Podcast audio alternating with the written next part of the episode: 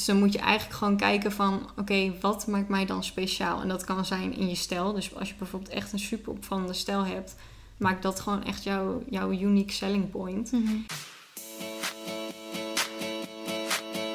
Hoi allemaal, superleuk dat jullie luisteren naar een nieuwe podcast. Ik zit vandaag met een paardenfotograaf aan tafel. Ik heb vorige podcast ook een soort oproepje gedaan van wat, uh, of, ja, wel, wat voor personen zouden jullie interessant vinden om een keer te luisteren. Uh, nou, een aantal mensen hadden daarop gereageerd en onder andere kwam daar dus paardenfotograaf voorbij. Ook iemand zei hippies recht, dus dat lijkt me ook heel interessant om een keer uh, voorbij te laten komen. Heel iets anders. Um, en toen ging ik wel eventjes, ik ken superveel paardenfotografen. Ik werk ook met heel veel paardenfotografen samen. Maar er is er maar eentje die echt heel, nou, er zijn wel meerdere die dichtbij wonen. Maar met een aantal uh, heb ik een meer soort ander soort um, zakelijke band of zo. En uh, ik zag dat Nina, die dus tegenover mij zit, uh, de laatste tijd heel veel nieuwe dingen aan het doen is. Dus ja. welkom. Ja, dankjewel. Ja, leuk dat je er bent. Jij, jij, woont ook in Wageningen, toch? Ja, ik woon. Eventueel zou ik nog zelfs kunnen fietsen, maar dat heb ik de conditie niet meer voor. het is ook niet heel lekker meer nu het donker is geworden nee. en zo.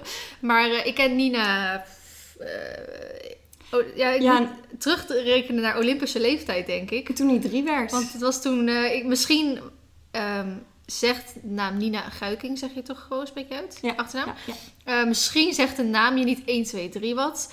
Um, want je bent wel bekend fotograaf, maar nog niet ja, maar super, niet, super. niet echt zo super groot. Nee, nee precies.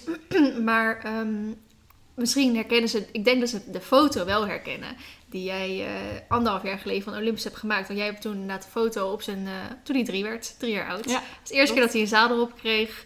Uh, en toen inderdaad met zo'n met zo'n drie ballonnetje. Die ja, foto's, dat, was echt leuk. Ja. Maar weet je, dat was de eerste keer dat ik eigenlijk bij iemand ging fotograferen die ik niet kende. We, weet je dat ja? eigenlijk? Nee. Nou ja, ik had dus, jij had zo'n oproepje online ja. staan van, hé, hey, ik zoek echt voor morgen iemand.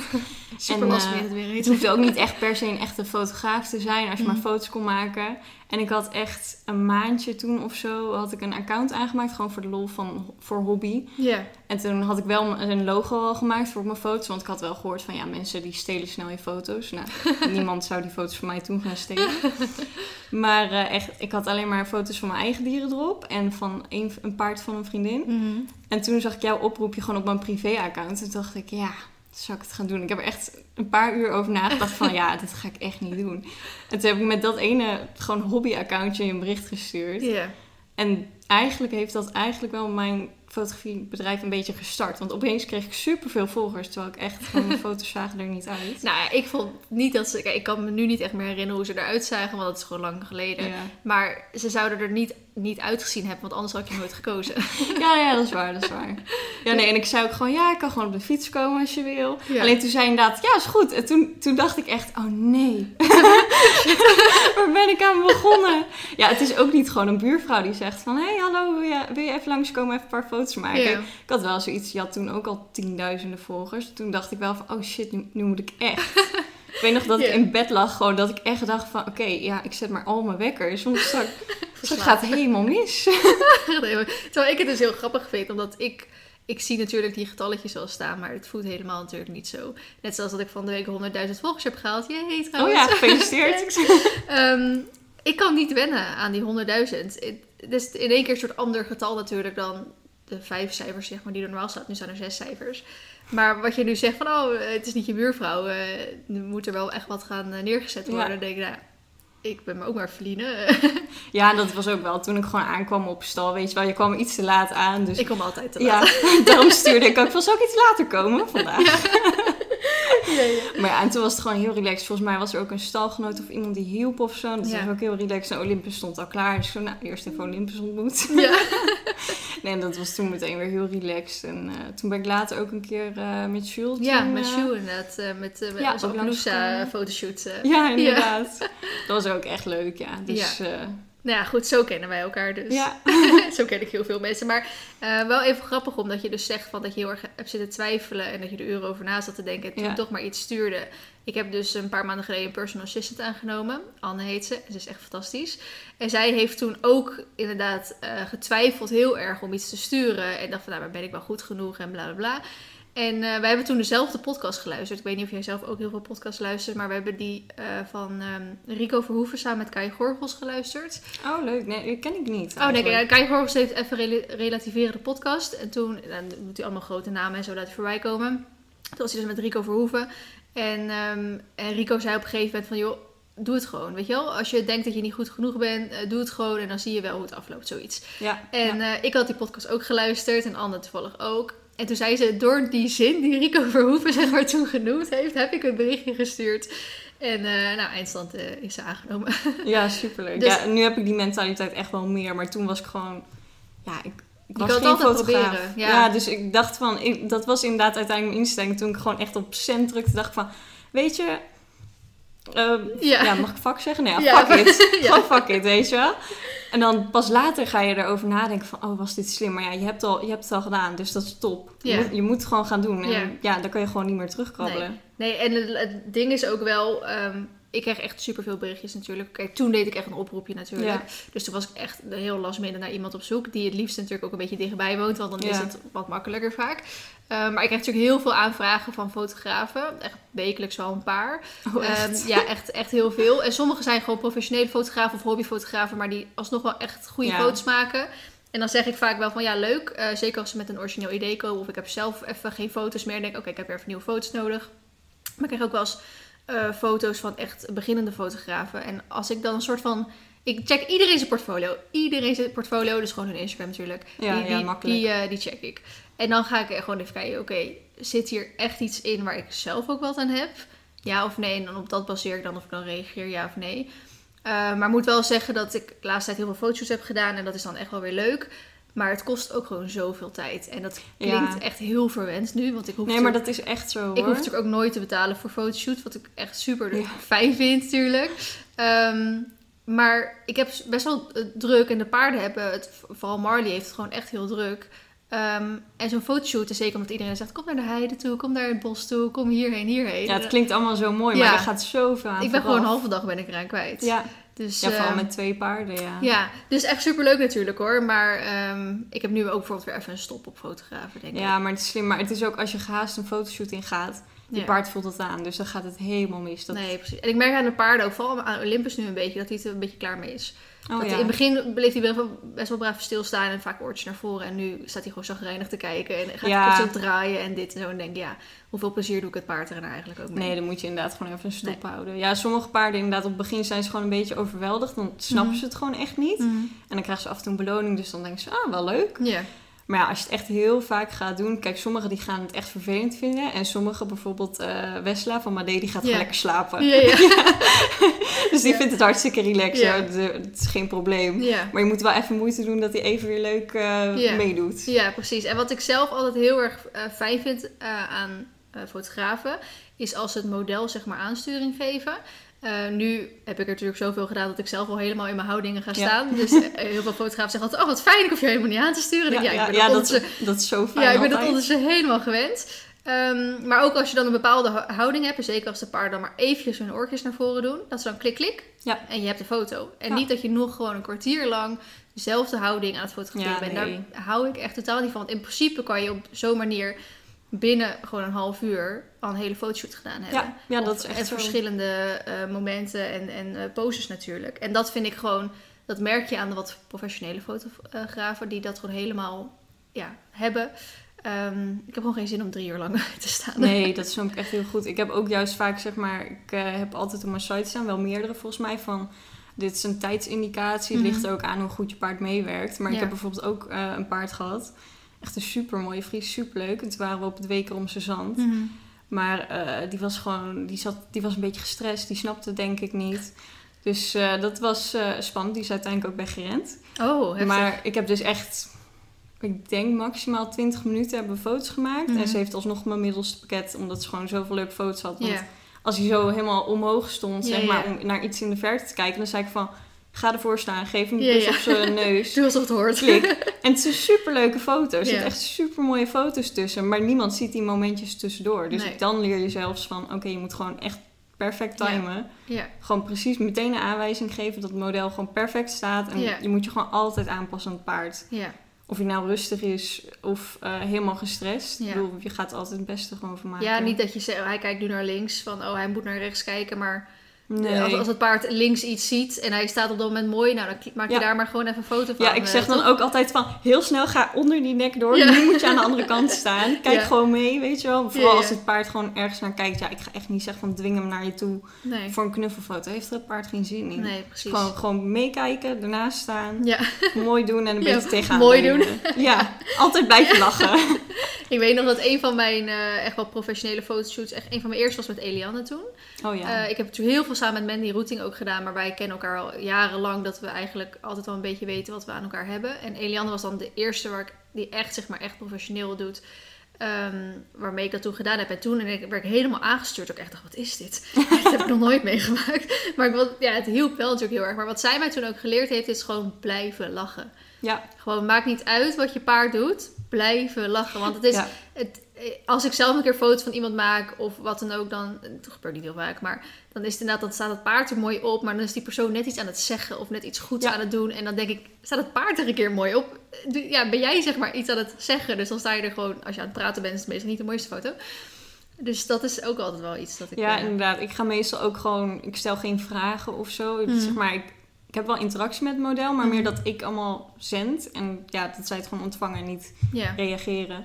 Maar het is ook bijvoorbeeld als een paard echt vervelend is gewoon. Dat, dat gebeurt ook gewoon. Dat ze Mhm. bijna een kopstoot krijgen. Dan zeg ik Mhm. ook gewoon, ook al krijg je bijna een kopstoot, blijf lachen. Want soms zit echt in die milliseconden gewoon echt het perfecte moment. Dan kijkt het paard super mooi. En dan zie je dat, dat iemand echt even gewoon een beetje pissig is op het paard. Dat Mhm. gebeurt echt wel eens. Mhm. Maar ja, ik zeg gewoon blijf lachen, Ja, weet je wel. En dan, en dan laat ik de foto's zien en dan zijn ze toch weer gewoon super blij, weet je Ja. wel. Ik laat altijd tussendoor even zien, gewoon als bevestiging van... Mhm. Kijk, het is leuk, het voelt misschien chaotisch. En dat is niet bij iedereen hoor. Vaak gaat het ook gewoon perfect. Maar bij dat soort situaties dan laat ik het vooral echt tussendoor zien van... Kijk, ja, om ze een beetje gerust te stellen. ja, ja, en het werkt ook echt super goed qua zelfvertrouwen. Want dan, dan gaan ze ook echt weer zo staan dat ze denken: oh, die foto zag er mooi uit. Ja. Dus dan hoef ik ze ook veel meer naar aan te sturen Oh, uiteindelijk. fijn. Ja, slim. Goeie. Ja. Oké, even eh, naar het begin toe. Ehm, wanneer ben jij geïnteresseerd geraakt in fotografie? Hoe ver gaan we dan terug? Oh, heel lang geleden. ja, echt. eh, mijn vader is fotograaf, wel beursfotograaf. Dus echt totaal andere Ja. tak eh, van sport. Maar ik heb vroeger bijvoorbeeld, hij had allemaal cameraapparatuur. Dus ik had eh, ook een onderwatercameraatje. En dat was mijn favoriete camera. Dus dat was een blauw lomp ding. Ja, ja. Maar ja, daar ging ik gewoon. Ik maakte ook wel onderwaterfoto's, maar ook gewoon insecten ging ik fotograferen op een macro-stand. Ik ben Oh, hartstikke vet. bang voor insecten. Sloeg helemaal nergens op. Het was ook geen zoomles. Dat was echt zo'n compact cameraatje. Oh, ja, Dus ik ging super dichtbij. en dan die insecten fotograferen. Vond ik zo mooi, al die details en zo. Maar dat is ook heel mooi. Als je daar inderdaad een beetje de juiste lens voor hebt, dan is dat ook echt wel... Ja en, eh, eh, ja, en toen heb ik een tijdje gewoon... Vond ik het leuk om foto's te maken van mijn eigen pony. En, eh, nou, hoe oud was je toen? Ja, nou ja, van die insecten was ik denk ik echt... Wat is het, zeven of zo? Oh ja, acht? Het gaat wel echt lang terug al. Ja, en, eh, maar nooit echt nooit over nagedacht van ik ga echt eh, fotograaf worden. Mhm. Nou, ik heb het wel één keer gedacht in HAVO 4 of zo. Dat, dat ze echt een beetje ging pushen van je moet iets kiezen. Ja. En ik had zoiets van ja, ik ga kunstacademie of fotografie of wat dan ook. Mhm.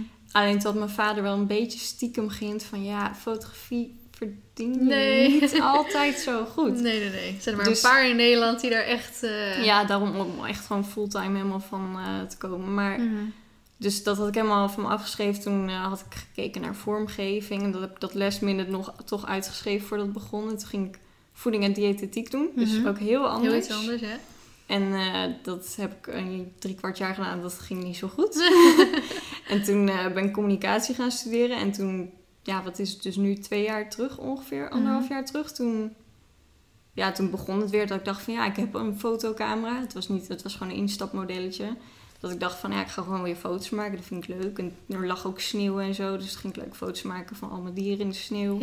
En toen kwam jouw oproepje. En toen ging het echt in sneltreinvaart. Maar ben je dus ondertussen nu nog steeds aan het studeren? Of Ja. ik zit Ja. in mijn afstudeerjaar. van communicatie dan? Ja. Nou ja, ik doe nu een minor of minor. Dus elke docent zegt Ja, iedereen zegt niet anders. Maar eh, dat is wel weer grappig. Ik doe nu weer eh, voeding en attitude, kwart jaar. Dus toch weer een beetje terug naar dat voeding. Vind ik Ja. nog steeds interessant. Ja.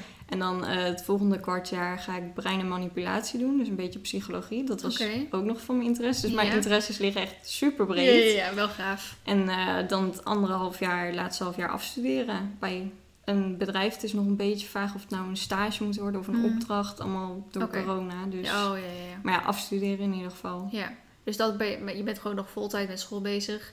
En fotografie doe je daar dus nog naast. Ja, klopt. Dus Maar- wel druk, maar Ja. Zien te combineren. Ehm, maar heb je dan ook het idee om, als je je diploma straks hebt, om fulltime voor het, voor het fotografie te gaan? Of Eh, parttime werken, parttime fotograaf? Of... Nou ja, op het begin dacht ik heel erg ehm parttime in loondienst om gewoon even die basis goed te Mhm. hebben. En dan parttime fotograaf. Maar ik heb dus nu een beetje een switch gemaakt. Nou ja, switch, het is meer een extraatje in mijn bedrijf. Dus ik, eh, ik leverde eerst alleen maar diensten voor part- particulieren. Dus dan een shoot voor iemand, ja, gewoon Ja. met een paard. Maar nu wil ik me ook meer gaan focussen op eh, andere fotografen. Dus hoe ik hun vooruit kan helpen in een bedrijf. Dus Ja. ik heb bijvoorbeeld eh, nu al een e-book gemaakt over Mhm. modellen aansturen. En dat is nog gewoon heel kleinschalig. Dat is Mhm. meer een warmmakertje van... hé, hey, ik ga ook dingen voor fotografen superleuk, ja. doen. En die wordt wel echt superleuk ontvangen. Dus dat is echt, eh echt superleuk. ja. Maar ik ga bijvoorbeeld ook... Dat is nu in ontwikkeling een cursus. En dat is om je ideale klant aan te trekken. oké. Want ik, heb, ik zit in eh, apps met fotografen. Twee volgens mij groepsapps. Mhm. Echt wel grote groepsapps. En daar deelt iedereen wel een beetje verhalen. En Mhm. ik merk gewoon heel erg dat heel veel mensen nog totaal een verkeerde doelgroep aantrekken. Tot echt één fotograaf, echt super lief mens. Mhm. Die had zoveel problemen met een klant. En die heeft er helemaal zwart gemaakt. En die is nu helemaal gestopt. Zo, Dus dat, heftig. ja, echt heel snel. Allemaal nog een beetje geprobeerd om het over te, over te halen. Maar het was echt... Het ging zo diep daarin. En ze kreeg zo'n slechte reputatie door die ene klant. Terwijl ze prachtige foto's maakte. Ik Ja. heb ook een keer met haar gefotografeerd. Volgens mij met een, met een booked meeting of zo. Oh, echt? Ja. Nou ja, die meeting was hartstikke chaotisch. Mhm. Maar zij was echt super leuk. Voor, voor zover ik haar heb meegemaakt. Mhm. Maar ja, dat, het liefst had ik dat al willen voorkomen. Maar ja, dan moest ik een half jaar eerder zijn met Ja, ja. dit hele idee. Ja. Maar gewoon, ik merk gewoon, er is echt vraag naar. En ik, ik heb daar een antwoord op, vind ik. Ja. Met mijn kennis die Oh, ik vind heb ik wel heel bijzonder. Want eh, kijk, het, het- hoe je hè, eh, modellen aanstuurt, dat hebben we het er al een beetje over gehad. Dat, dat weet ik ook. Maar ik wist eigenlijk helemaal niet dat... Natuurlijk, iedereen heeft... Want ik heb met mijn video's ook een bepaalde doelgroep. Ja. Maar dat je eigenlijk als fotograaf ook een soort doelgroep hebt. Ja, je trekt echt... eh, dat is ook wel grappig. Toen ik bij jou foto's was komen maken... Toen had ik natuurlijk allemaal nieuwe volgers. Maar toen kwam ik er heel gauw achter van... Oh, dit is niet helemaal de doelgroep die ik precies wil. Want jij trok toen nog ook wat, wat jongere volgers aan. Mhm. En mijn pa- prijspakket, ik bedoel, ik startte net. Dus dat was echt te laag voor woorden. Echt bijna schandalig. Maar ja, dus ik trok allemaal ehm, ja, best wel jonge meiden aan... die natuurlijk ook niet echt een heel groot budget hebben.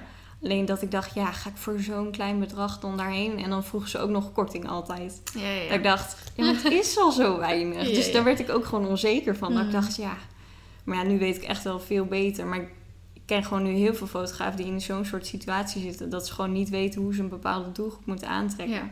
Dus ze hebben misschien wel in hun hoofd van... Oh, ik wil dat soort mensen aantrekken met dit budget. Maar ja, hoe doe je dat? ja. Dus ik heb dat wel een beetje ontdekt in de loop van de nou ja, afgelopen Ja. anderhalf jaar al. Maar is het ook, ehm, wat, wat ik heel erg met een fotograaf ehm, ook een beetje negatief zeg maar. Ik heb eigenlijk met nooit, echt nooit iemand problemen. Eén fotograaf heb ik een beetje problemen gehad. En dat ging dan niet over nou, budget, want ik zeg ik krijg wat foto's gratis. Maar dat ging over de stijl. En eh, want elke fotograaf heeft natuurlijk ook zijn eigen stijl. Ja. En eh, dat is natuurlijk ook iets waar je voor kiest. Dat je, als jij denkt, oké, die fotograaf komt bij mij langs, dan moet je ook verwachten dat je een beetje de foto's in de stijl krijgt met wat je gewend bent. Eh, ik had toen een fotograaf die op haar eigen Instagram-pagina ehm, was de stijl wel oké. Niet helemaal wat ik dacht, maar ik had toen volgens mij ook weer een oproepje gedaan en ze zei Oh, ja, iets ja. van. eh, ik zou wel graag foto's willen komen maken. Nou, top. Want op zich, de foto's waren prima. Alleen inderdaad de stijl, dus de bewerkingsstijl, zeg maar, niet helemaal mijn ding. Ehm, dus toen kreeg ik uiteindelijk de foto's aangeleverd. En op zich best oké foto's. Niet fantastisch, maar wel dat ik denk, nou, die kan ik wel posten. Alleen de, de bewerking, zeg maar, was zo wat niet bij, mijn, bij mij aansloot. En nu heb ik niet per se een echt een feed of zo, weet je Ja, wel. maar je hebt toch wel een beetje een soort van merk. Een Ik, ja, merk. maar ik heb best wel, als je gewoon naar mijn feed kijkt, het is allemaal kleurrijk, het is Ja. licht. Ik, ik post nou nooit iets, eigenlijk iets grauws. Ik heb nog nooit in mijn leven een zwart-wit foto gepost op e- eentje na van eh Nicky de Kerf. Had toen gewoon een heel mooi moment van Marley en mij in de, in de sneeuw vastgelegd. En dat was zwart-wit was dat gewoon heel mooi. Ja. En dat is volgens mij de enige zwart-wit foto die je vindt op heel mijn feed. Omdat ik gewoon totaal niet Je hebt nu soort- allemaal mensen die helemaal terug gaan Ja, ja. scrollen om te checken. Ja, ongeveer twee jaar terug. dus, ehm, en toen heb ik echt eh, met haar soort van nou bijna ruzie gehad. Oh, echt? Ja, dat was echt wel omdat ik dus die foto eh, gewoon zelf gewoon een klein beetje dan maar ging belichten. En ehm, toen is zij, heeft ze dus gezegd van, nou ja, ik wil gewoon niet dat je dat doet, want dan krijgen mensen een verkeerde indruk van mijn eh, bewerking. Wat ik heel goed begrijp. Ja, ja. Ehm, want inderdaad, dan denken ze, oh wat een mooie foto. Dan gaan ze, en dan, eh, dan gaan ze ook zo'n fotoshoot bij haar boeken. En dan krijgen ze ook van die grauwe foto's geleverd. Dus dan snap ik dat het een verkeerd beeld geeft. Maar aan de andere kant, het past niet bij mijn feed. Dus als ik die foto's op die manier zou krijgen, dan post ik ze gewoon niet. Ja, eigenlijk heel hard gezegd. Eh, maar daar moet ik natuurlijk ook een beetje over nadenken. Dus daar heb ik toen echt wel Ja, best wel wat eh, woorden over gehad met haar. En uiteindelijk heb ik inderdaad volgens mij niks meer gepost over. Omdat zij dat gewoon niet wilde. Dus dan denk ik, nou oké, dan, dan niet. ja, dan is het wel het beste denk ik om gewoon zo af te sluiten. Maar ik, ik snap het wel, want als fotograaf ja, wil je natuurlijk niet dat iemand je foto's aanpast. Mm. Maar het is wel lastig als je iets levert wat een totaal andere stijl is. Want ik adviseer ook altijd iedereen als je begint met betaald ehm, ja, shoots doen. Mhm. Dan moet je wel echt je stijl helemaal echt wel vast hebben. Ja. Dus niet dat je elke shoot een ander soort ja, precies. ja, kleurfiltertje, Ja. je kleurtoon. Ja, filter is helemaal het verkeerde woord. Maar ik denk aan, Ja, de, ja. ik denk aan de laag in Photoshop. Ik Ja, denk, ja, ja, die precies. ga ik niet gebruiken.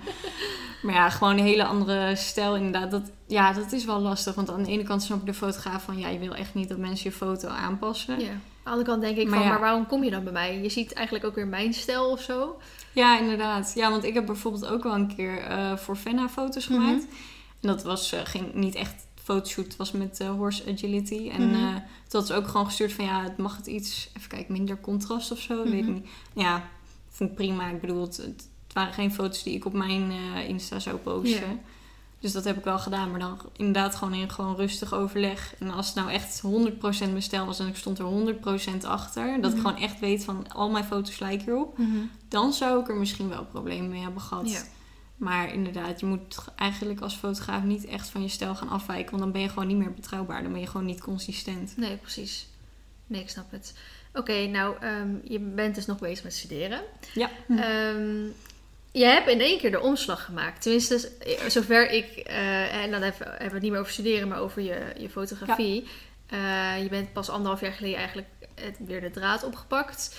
Ehm, ik ga daar nog wat vragen straks over stellen, maar die komen in de Q&A voor. Dus ik dacht, nou, daar kan ik nu wel iets over vragen. Maar ik zag ze straks ook voorbij komen, dus die beantwoorden even straks.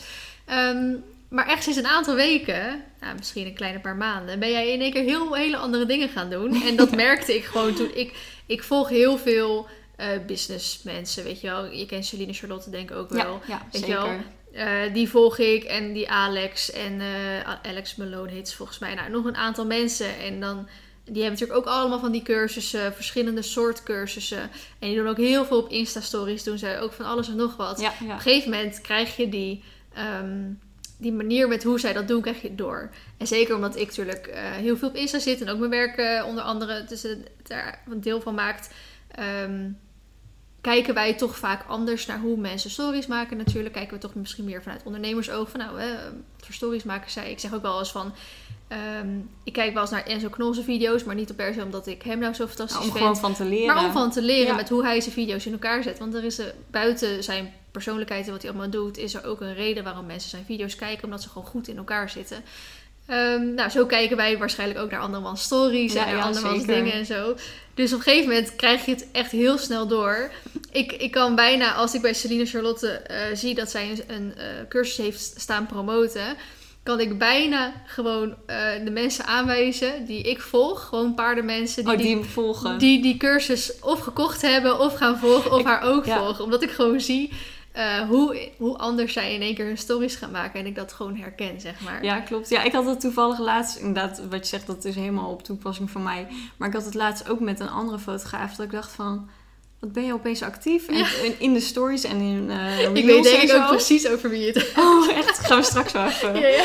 Maar, eh, Niks negatiefs over Nee, voor ik de vind rest. het echt leuk. Ja, superleuk. Alleen toen dacht ik al van waar komt dit opeens vandaan? En toen zag ik inderdaad een keer een tag. Want heel vaak die mensen die de cursus geven, die zeggen van hé, tag maar er even in, dan kan ik het zien. Toen dacht ik, oh ja, Ja, ja. dat klopt. Jij doet mee aan die Klopt, cursus. En omdat ik hun eh, gewoon volg. ehm, ik heb nog nooit een cursus bij ze gekocht. Omdat ik nog nooit echt, niet echt de drang heb om dat te doen. Misschien ooit op een dag wel. Maar ik leer gewoon nu gewoon van hun zeg maar, te Ja, volgen. En ehm, ik had een tijdje terug. ik maak best wel gewoon eh, Insta-video's. Weet je wel, dat ik even vier stories lang tegen mijn, mijn volgers zeg maar, aan het praten ben. Gewoon niet aan het lullen of het nou belangrijk is Ja. of niet. Nou ja, goed, ze worden natuurlijk zo vaak bekeken. Maar je ziet natuurlijk ook weer hoe snel mensen weer verder swipen. Want heel vaak hebben mensen bijvoorbeeld geen oortjes in of kunnen ze op dat moment niet luisteren. Dus dan swipen ze hup gewoon weer weg. Ja. En toen heb ik gewoon een keer, dat is echt al een half jaar geleden of zo hoor. ehm, hetgene wat ik zei, ook in de tekst zeg maar. Hè, Ja, gewoon je eigen ondertiteling Ja, gewoon mijn eigen ondertiteling gemaakt. Dat is gewoon eh, de rode draad die door al die cursussen heen gaat volgens Ja. mij. Ehm, en daar heb ik toen zoveel meer reacties op gekregen. En dan niet zeg maar ehm, over die ondertiteling, maar dat, gewoon de, over de inhoud wat Ja. ik toen aan het vertellen was. Dat ik ook echt van mensen die eigenlijk nooit over Instagram eh, spreken, alleen over WhatsApp of wat dan ook, die in één keer zeg maar nu wel die tekst lazen, omdat ze waarschijnlijk niet konden luisteren. Ja. Heb ik zoveel berichtjes over gekregen. Ja, ik heb daar ook berichten over gekregen van... Oh, wat fijn dat je zo'n die tekst onder Ja. doet, Want ik luister het niet. Nee, precies. Want er zijn ook gewoon mensen die het misschien luisteren... Gewoon, weet ik veel, in een pauze op werk of zo. Ja, dan ga je niet met oortjes Nee. in zitten. Dan kijk je even snel door Insta. ja, precies. Ja, die inderdaad. echt niet met het geluid eh, Nee. keihard eh, luisteren over hoe je, weet ik veel, een nieuwe lens hebt gekocht of zo. Ja, ja, ja. Ja. nee, precies. Nee. En het viel me ook op omdat ik afgelopen week een samenwerking heb gedaan met Moonpots. En een maand geleden ook al. En dan deed je eigenlijk hetzelfde. Dan vertel je erover en dan doe je dus een soort van ondertiteling van de belangrijkste puntjes. En de eerste keer weet ik nog, toen eh, stuurde ook iemand mij een bericht van... Heb jij een opleiding marketing gedaan of zo? Want ik ben normaal gesproken helemaal niet iemand die stories zeg maar kijkt. Maar ik was nu soort van zo door je ge- eh, geïnteresseerd zeg maar met hoe je dit zeg maar deed. Dus toen dacht ik, oh, nou eigenlijk niet. Ik heb wel een bedrijfskundeopleiding gedaan, zit een stukje marketing in. Ja, maar dat leer je gewoon. Maar dat en je, leer je je. neemt het gewoon aan en dan is het vanzelfsprekend Ja. gewoon. Ja. Maar goed, ook, ehm, jij bent dus een paar maanden geleden, heb je ook eh, een beetje die switch gemaakt. Wat Ja. was voor jou de aanleiding om deze kant op te gaan? Nou ja, ik ben natuurlijk met mijn opleiding gewoon sowieso al bezig met communicatie. Dus Mhm. ik lees gewoon allemaal blogs en ja, ook eh, leerboeken. Iets Mhm. minder, maar... Kort erbij. Maar eh, ja, en toen, ja, ik denk gewoon door het, ja, gewoon door Insta, advertenties en zo, die, die vinden je gewoon. ja. Dus kreeg ik allemaal advertenties van social media experts en marketing en mailmarketing en alles.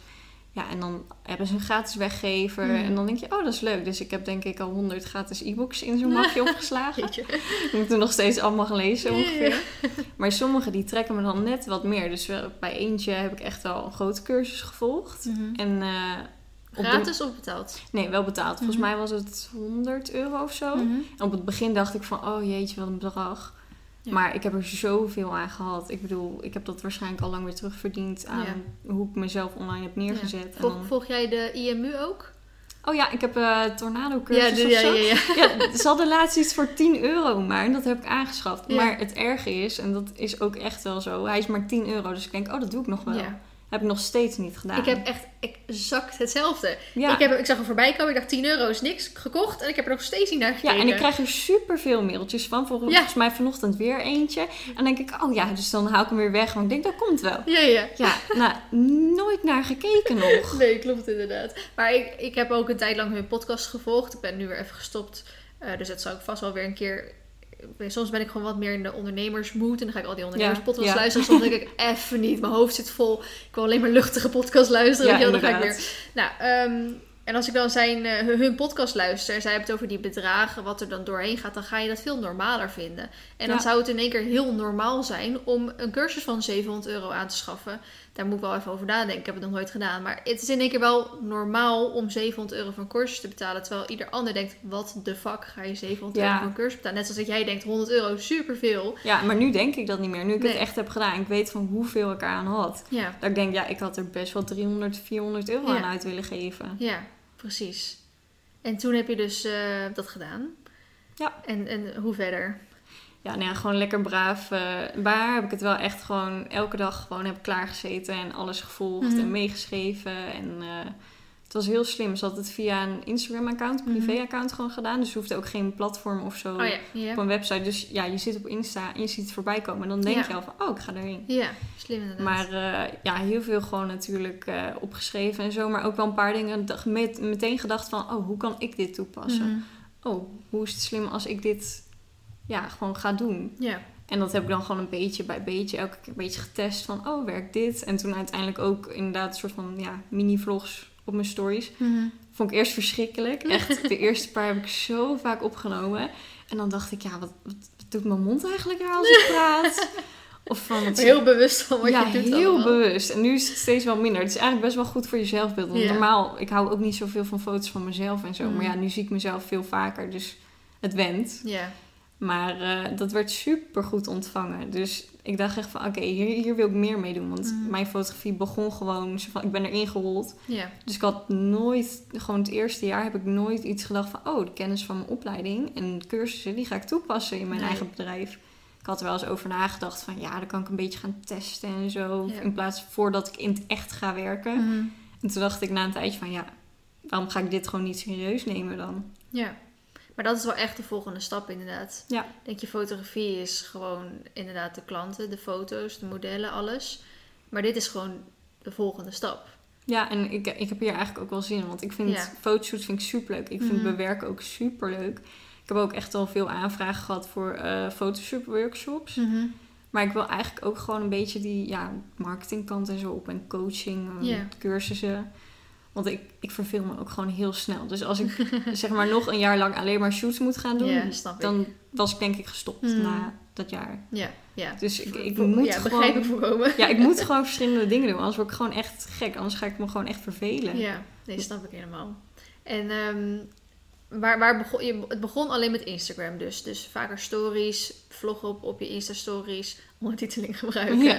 Ehm, had je al een website of heb je hem... Je hebt hem natuurlijk helemaal vernieuwd toen. Ja, ik, zat, eh, ik had een website bij Wix. En dat had ik al gedaan, want heel veel mensen hadden bij Wix. Dus ik dacht, ah, leuk. En dan kon je gewoon heel makkelijk eh, met slepen gewoon allemaal ja, objecten zeg maar, Mhm. op je site gewoon pleuren Is eigenlijk. dat een Dus- beetje hetzelfde als Squarespace? Oh ja, ik weet niet hoe Squarespace... Ik word Ja, helemaal scheidsziek van die reclames. Dus mijn principe is echt, ik ga niet met Squarespace. Ja, ik, ik heb me laten influencen door Squarespace. Ik dus ik heb wel een Squarespace... zoveel reclames van elke keer op YouTube. Gewoon elke keer was het van eh build your website with Squarespace. Dat ik dacht, nee. Gewoon uit principe, nee. Daar ben ik echt zo eigenwijze doos in dan. ja, snap ik. Maar Dat heb toen... ik hetzelfde met die Daniel Wellington horloges. Oh ja, dat, dat ga ik ook Straks, straks gaan de kerstdagen weer beginnen, daar komen ze weer. echt hoor. Oh, daar worden we helemaal mee Ja, doodgegooid. precies. maar ja dat, eh, ja, dat vind ik ook niet zo. Nee. Maar ik had dus eh, Wix en toen, eh, dat was een tweejarig abonnement. En had ik Mhm. echt gewacht tot ik 50% korting kreeg. Want ik wist gewoon na een paar dagen, dan krijg je dat aanbod van... Als je heel veel site hebt bezoekt en dan krijg je na een paar dagen Ja. dat aanbod van... Hey, Chill. 50% Ja, ja. korting. Alleen toen zag ik eh, wat het zou worden als het in, eh, wat is het, juni volgend jaar weer werd verlengd. En dat was heel duur. Oh, Want toen had ik niet meer die korting. nee. En toen dacht ik, ja, maar ik kan ook zo weinig met deze site. En ik had echt letterlijk gewoon de lettertypes die er stonden. Dat was gewoon de standaard Oh, ja. lettertypes. Gewoon je sleept je tekst in beeld en dat is dat lettertype. Nooit wat aan veranderd. Mm. En het was ook gewoon eigenlijk zo, het was heel chic een beetje of zo. En ik dacht echt, ja, dit is gewoon zo niet wie ik ben. Dit past zo niet bij me. En ik had eh, ook echt mijn visuele identiteit een beetje vormgegeven. Dus echt qua kleuren, qua logo had ik al. En daar was ik gewoon tevreden mee. Qua gewoon je huisstijl. Ja, gewoon mijn huisstijl had ik helemaal leuk bedacht. En toen dacht ik, ja, moet ook op mijn website. Maar ik dacht, ja, ik heb echt geen zin meer in dat Wix. Want ik ga het toch over een half Ja. jaar afzeggen. Dus toen heb ik gewoon eh, helemaal opnieuw gestart op WordPress. Dat Oh ja. kostte me ook enorm veel tijd. Ja, snap ik. Maar ja, het staat nu helemaal. Het is echt, ik ben echt super blij mee. Er zit ook een webshop dus in waar Mhm. mensen mijn producten kunnen kopen. Ja. En een eh, nieuwsbrief heb ik ook. Dus dat is nog helemaal nieuw, maar het is echt super leuk. ja. Ik vind het ook echt heel leuk, want ik heb dus een Squarespace ding. En dat is half Nederlands, half, eh, half Engels is Oh dat. ja. En ik wil ook op een gegeven moment wil ik dus ook e-books eh, gaan uitgeven. Want ik heb dus mijn scriptie gedaan over ehm, hoe je ehm, de, ja, de levensduur van een influencer zeg maar kan verlang- verlengen. Je, Oh, je- je hebt, interessant. ja, maar je hebt natuurlijk die influencers die dan even opkomen en dan even hot zijn en dan weer weggaan. Ja. En hoe zorg je nou ervoor dat je gewoon echt jarenlang relevant blijft? Nou, daar Ja. heb ik dus mijn scriptie naar gedaan. Er zijn inderdaad best wel leuke dingen uitgekomen. Eh, en ik wil dus mijn scriptie ombouwen tot e-book. Dus ik wil Oh, straks ook op mijn, web, op mijn webshop eh, dat gaan verkopen. Maar ik zit een beetje met Squarespace in mijn hoofd. Ik denk, heeft Squarespace dat wel. Ja, nou ja, dat had ik dus ook met Wix. En toen zag ik iets van een shop. Dus als je nu op, eh, wat is het, wixsite.ninaguiking.com of zo... dan zie je ook staan shop. Want dat heb ik per ongeluk geactiveerd. want nu staat het gewoon als gratis versie. Hmm. Geen idee hoe dat werkte. en bij WordPress heb je hele tutorials gewoon van... Ja, dan do- download je dit, dan doe je dit als instelling. Dan doe Ja. je dat en dan doe je deze betaalprovider. Er staan hele tutorials online. En toen had ik opeens een webshop dat je denkt... Oh, is dit het? Ja. Oh, dat is wel relaxed om eh, Ja. te hebben, inderdaad. Ja, het kost even tijd qua instellen en vinden waar alles precies staat. Maar nu Ja. als ik erop terugkijk, denk ik van... Oh, Ja. was best Ja. makkelijk. Nou, het lastige is dat ik gewoon, ehm, als ik echt goed zou plannen, zou ik die tijd wel hebben. Maar ik heb gewoon niet echt, ik, ik wil de tijd niet aan Ja. besteden. Dus het liefste laat ik het iemand anders maken. En dat die het mij dan helemaal uitlegt van hoe het werkt. En dat ik het dan zeg maar weer overneem. Zou ik denk ik ook wel doen. En het is ook zeg maar, ik had gewoon toen even niet het budget ervoor. Maar achteraf zeg maar, als ik een budget heb en ik wil weer een keer een site helemaal laten omgooien, dan laat ik het echt door iemand doen. Ja. Want ik bedoel, ik ben geen websitemaker. Ik bedoel, ik kan het wel, maar het kost zoveel tijd. Ik moet zeggen dat ik het ook echt heel moeilijk vind om iemand te vinden die dat voor je kan doen met hoe jij het een beetje in je hoofd hebt. Want ik heb het toen door iemand, mijn allereerste website heb ik door iemand laten doen. En die heeft dat toen deels voor de helft ook gesponsord. En ehm, daar kwam iets uit waar ik gewoon nog steeds niet mee kon werken. En dan Oh. moest ik nog steeds aan hem zeggen: joh, dit is niet goed, eh, dit moet veranderd worden, wat dan ook. En dat deed hij dan wel weer. Maar het was gewoon veel makkelijker als je dat zelf kon doen. Ja, En toen, ehm, de vriend van mijn zus is ICT'er, dus die zou hem voor mij even ombouwen naar iets wat wel makkelijk was. Maar ze werkte met totaal verschillende dingen. ja, programma's. programma's, zeg maar, hoe je Ja. zo'n... Zo, dus hij zei ook van, ja, het is super moeilijk om dit te gaan omzetten. Je kan beter heel die website van de lucht halen en dan bouw ik er weer een nieuwe voor je op. Maar ja, om, die vriend van mijn zus, die heeft ook gewoon zijn baan. Dus die doet dat dan een beetje zo half-half voor mij bij. En dat, dat duurde dan weer een soort van te lang. Dus ik zei, ik ga wel weer op zoek naar iemand anders. En toen kwam ik op een gegeven moment de Squarespace tegen. En dat werkte super chill. Ik had gewoon binnen een paar uur had ik gewoon die website helemaal Ja. klaarstaan. Dus dat was, werkte wel gewoon heel relaxed. Maar op een gegeven moment moet ik inderdaad ook wel weer eh, ooit er een keer aan geloven. maar ik zit er nog heel erg te twijfelen om ehm, gewoon of de website te houden zoals die is. Dan puur qua informa ja, informatie. En dan nog een extra webshop, website, webshop Oh, er dan ja. maken. Waar ik dan alles op zet. Want ik ben natuurlijk nu bezig met een boek uitgeven. Dus die is bijna af.